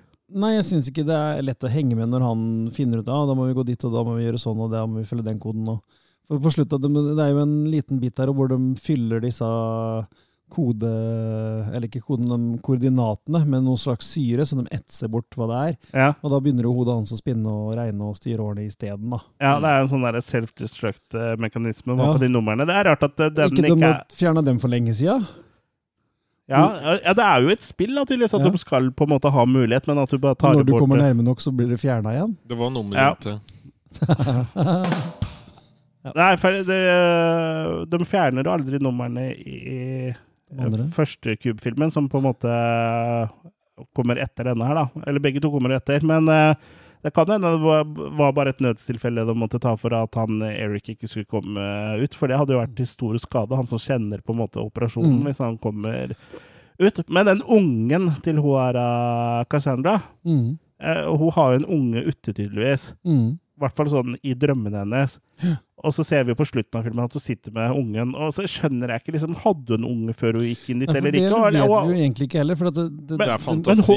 Men, men, ja, er det en nei, De fantasi? sier at det er innplanta minner. Mm. Det er vi får beskjed om. Mm. Men det er jo litt sånn merkelig. Hvorfor skal du gi dem en sånn siste hukommelse av et eller annet som enten er fake Ja, eller ikke fake? Da? Nei, for å fucke med meg, da. Men Det eh, på slutten så sitter hun da med en unge, liksom, og viser Ja. bilde av han der eh, Eric bare 'He's a hero!' Og bare hvor lenge etter er det her, liksom? Og har, for har hun, har jo da f klart å funnet den ungen i den samme skogen? For det er jo helt likt der hun ble jaga. Ja. Mm. Eller er det fantasi? Eller har, har, hun, har de rukket å pule inn i den kuben der også? Er det her liksom fem-seks år etterpå? Eller er det et nytt minne som blir innplanta i han? Eh, kom hit, så skal jeg implantere både det ene og det andre der. Men altså, akkurat med det faller jeg litt av. Men Mm. sånn ellers så syns jeg at dette er god underholdning. Mm. Uh, altså de der soldatene også, med de gule øya og den der uh, teite tatoveringa i panna og sånn. Det er Ja. Ja, det, den her er litt sånn uh, Campy. Ja, campy og litt sånn cheesy. Mm. Mm. Men Det på, liker jo. Ja, på en bedre måte enn uh, uh, den forrige filmen var, da. Mm. Hypercube. Mm. Ja, for den var jo egentlig ikke cheesy. Nei, jeg vet ikke hva den var, jeg. Eh, En haug med møk. Nei da. Eller jo, det var jo det. det er Terningkast én, liksom. Det, det, er ikke noe, det er ikke noe klasse over det. Nei. Jeg likte i hvert fall den filmen her veldig godt, og ble underholdt. eh, likte særlig godt Jax, da, som kommer inn og så lager liksom litt Ja. sånn bølger. Ja, han, eh, Eh, likte jeg også, jeg. Ja, ja. Hadde den vært spilt av Robert Englund, så hadde det vært uh, Litt- ett hakk opp på terningen. Eller Litt, litt sånn som han Kinski. franske i den ene Matrix-filmen. Som gir folk uh, ting så de dør og sånn forskjellig. Hun er veldig pene i Matrix. Eh, så gir han franskemannen uh, henne noe. Han også er en litt sånn der som kommer og velter og setter litt trykk Ja. på spillet. Ja, jeg husker veldig Jeg lite av Matrix-oppfølgerne. Jeg kan sende deg en faks på det. Gjør det. Mm. Men i hvert fall, det, det her eh, fueled my engine, da. Uh, den her, Så du, eh, du har begynt å skrive manus til Cube 4? Ja. Eh, så det, den her eh, ga meg blod på kuben. Kube Cube 4? Nei, jeg, nei, jeg digga den filmen her. Ja, hvor mye digga du den? Digga den eh, fire. Terningkast 4, ja. Mm. Ja, det er heavy opp fra de andre, det. Mm. ja. så det her For du ga eneren tre? Nei, to? To. To, Mm. ja. Mm. Du syns eneren var så dårlig? Mm. Jeg òg tenker jeg, jeg klarer ikke helt å bestemme om jeg kan gi den den samme Jo, vet du hva, jeg gir den det samme som den første, for den har mye av det samme, og samtidig så har den også en del av de samme flåsa, da. Mm. Så jeg tenker en svak firer er greit her òg, altså. Mm. Eh, Ja. ja, den har en helt annen underholdningsverdi enn den første, Mm. men samtidig så har den også en del av de samme svakhetene, da. Ja. Jeg føler at det er en helt annen sjanger nesten, egentlig, den første. Men jeg syns Mm. ikke den har på en måte de samme flåsa, men han har liksom eh, noen andre eh, feil og mangler. Men eh, altså, basert på underholdningsverdi, så var den her vel så bra som den første, syns jeg. For jeg syns det her var gøy, og jeg på en måte klarte å henge med mye bedre i den her enn jeg gjorde i toeren. Eh, det må gå an å si Og så har toeren. vi med sko her òg, det vi glemt å si. Tropes er viktig i sånne Sko, fran ja. franchiser. Ja, for de kaster, bruker alltid skoa for å sjekke Ja. meg ja. Mm. Tror du de ble sponsa av noen sko der? Og her er det jo Det er å sånn- samle på skoa til dem som er døde før. Og Ja, og sånn. det, det var jo veldig lurt, da. Mm. Mm. Og vi ser jo egentlig de støvlene gjennomgå mer her i film nummer tre enn eh, de to foregående. De blir jo bare både sleisa og frøset og Mm. Ja. The shoe in the cube. Det er fireren. Ja. Det er fireren. Ja. det var inni en skoeske. Som du skal, skal Skoene har sånn egen intelligens som skal inn i andre rom. I Ga jeg andre esker. terningkast nå, egentlig? Eller ble det Jeg tror ikke det. Jo, Nei. tror du var på det samme som den første. Ja. Med terningen. Nei, du sa ikke ferdig. Nei, eh, jeg havner også på fire svake der. Eh, Men det er to forskjellige filmer, da. Men jeg, Ja. eh, både Cube og Cube Zero eh, ser jeg for meg er filmer jeg kanskje kommer til å se eh, en gang til i løpet av livet. Mest sannsynlig ikke, men er det én film jeg ikke kommer til å se igjen noensinne, så er det Cube Det er 2 opphøyd i toeren. Ja, det er Cube i annen hypercube. Det kommer jeg mm. yeah, ikke til å se. Men det Not som er så-. Det som er genialt med Cube Zero, er jo at han heter rett og slett Zero. Du har null forventninger. Ja. Da blir du gjerne Ja. positivt overraska. Ja. Ja, det var nok litt sånn for meg òg. Jeg tenkte at det her kan jo Etter den andre så var det jo Ja. så langt nede i Mm. bøtta, så jeg tenkte at åh, gidder jeg det her? Mm. Og så innfrir den, liksom. Det var Mm. kult. Han trøster deg litt. Det, det er sånne greier sånn, som egentlig Eller jeg vet ikke om det er der det stammer fra, men det er i hvert fall der jeg Stammer fra. Det det- det er der jeg så det først, er at liksom prequeler har null i seg. Det er jo liksom sånn japansk eh, greie, sånn som Rengo Zero! Eh, men ja, det da skjønner du på Du skjønner jo på en måte med en gang eh, ut ifra tittelen at nå skal vi før eneren, liksom. For null Mm. kommer jo før eh, én. Ja. Eh, sånn sett. Mm. Så ja.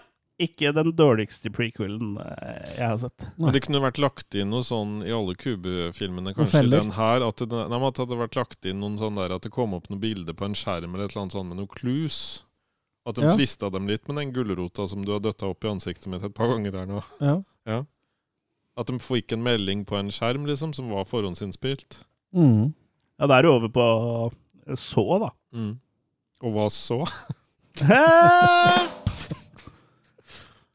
Det er vel også en franchise eh, som eh, stadig vokser seg større, som eh, vi ikke har laget episode på. Og så hvorfor kunne vi ikke hatt sånn som i den der Star Warsen fra 77, at rommet blir bare mindre og mindre? At det, hvis de ikke klarer å løse og finne Det hadde de i neste rom De hadde jo det i toeren. Ok, unnskyld. Dessverre. Sorry. Mm. Jeg glemte toeren helt. Ja. Skamme Forståelig seg. nok. Ja. Nei, det var jo rommet på en måte som uh, vipa ut eh, innholdet i, i rommet. Det var jo toeren.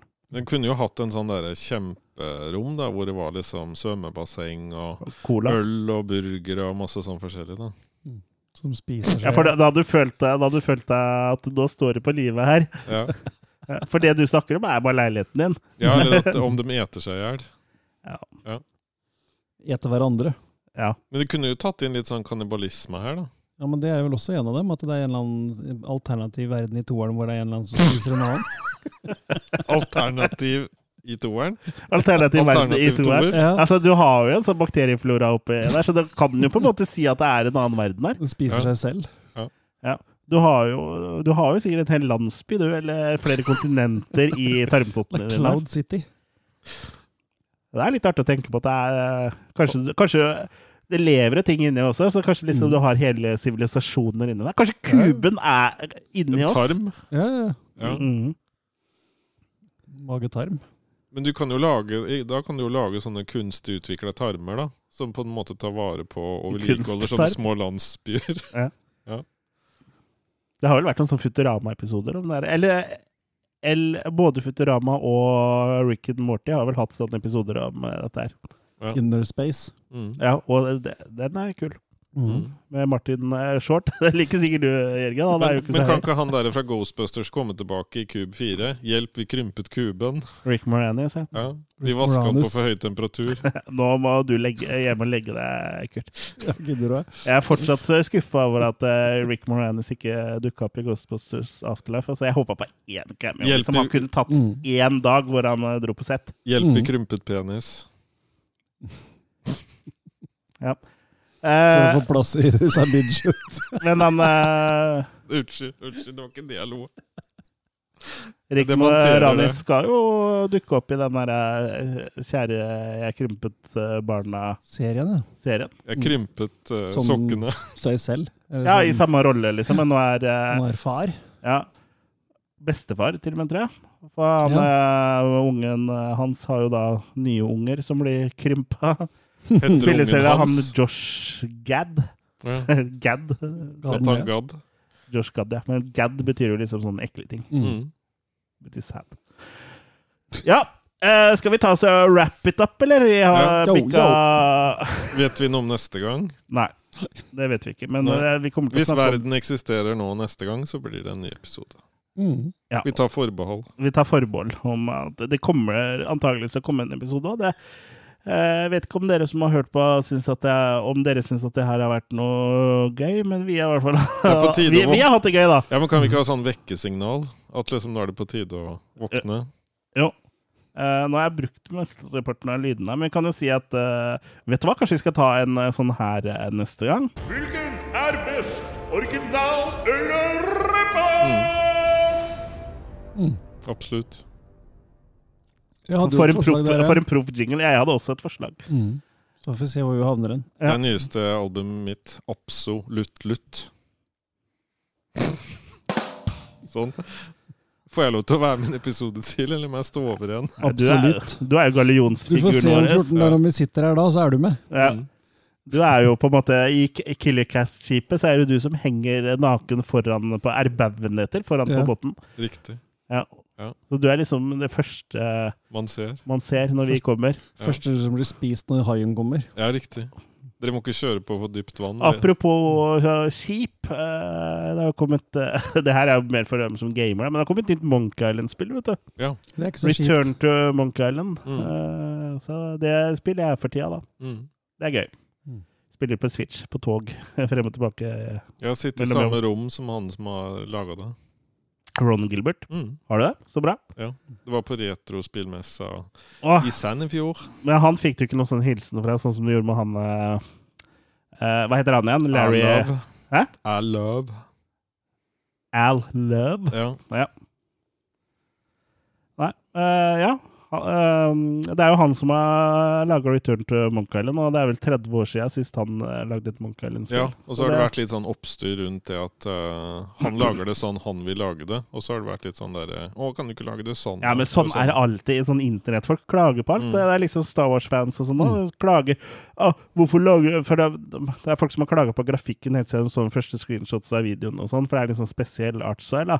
«Å, Hvorfor er det ikke pixel art og sånn? Og greia er at eh, Nå ble vi en helt annen podkast. Er jo at de to første Monkey Island-spillene er jo ikke pixelart. Det er bare det at det er pikslete fordi det var begrensninger på den tida. Mm. Og treeren er jo tegneseriegrafikk, og fireren og er sånn dårlig 3D, og Tales of Monkey Island, som er den episode eh, baserte spillet som kom for Det begynner å bli lenge siden, det òg. Mm. Tolv år siden. Den var det bedre 3D, da. Mm. Eh, så det har jo det er jo ingen av Monkey Island-spillene som har ha, sånn egentlig hatt lik grafikk. Det Mm. nærmeste har vært eneren og, og toeren. Mm.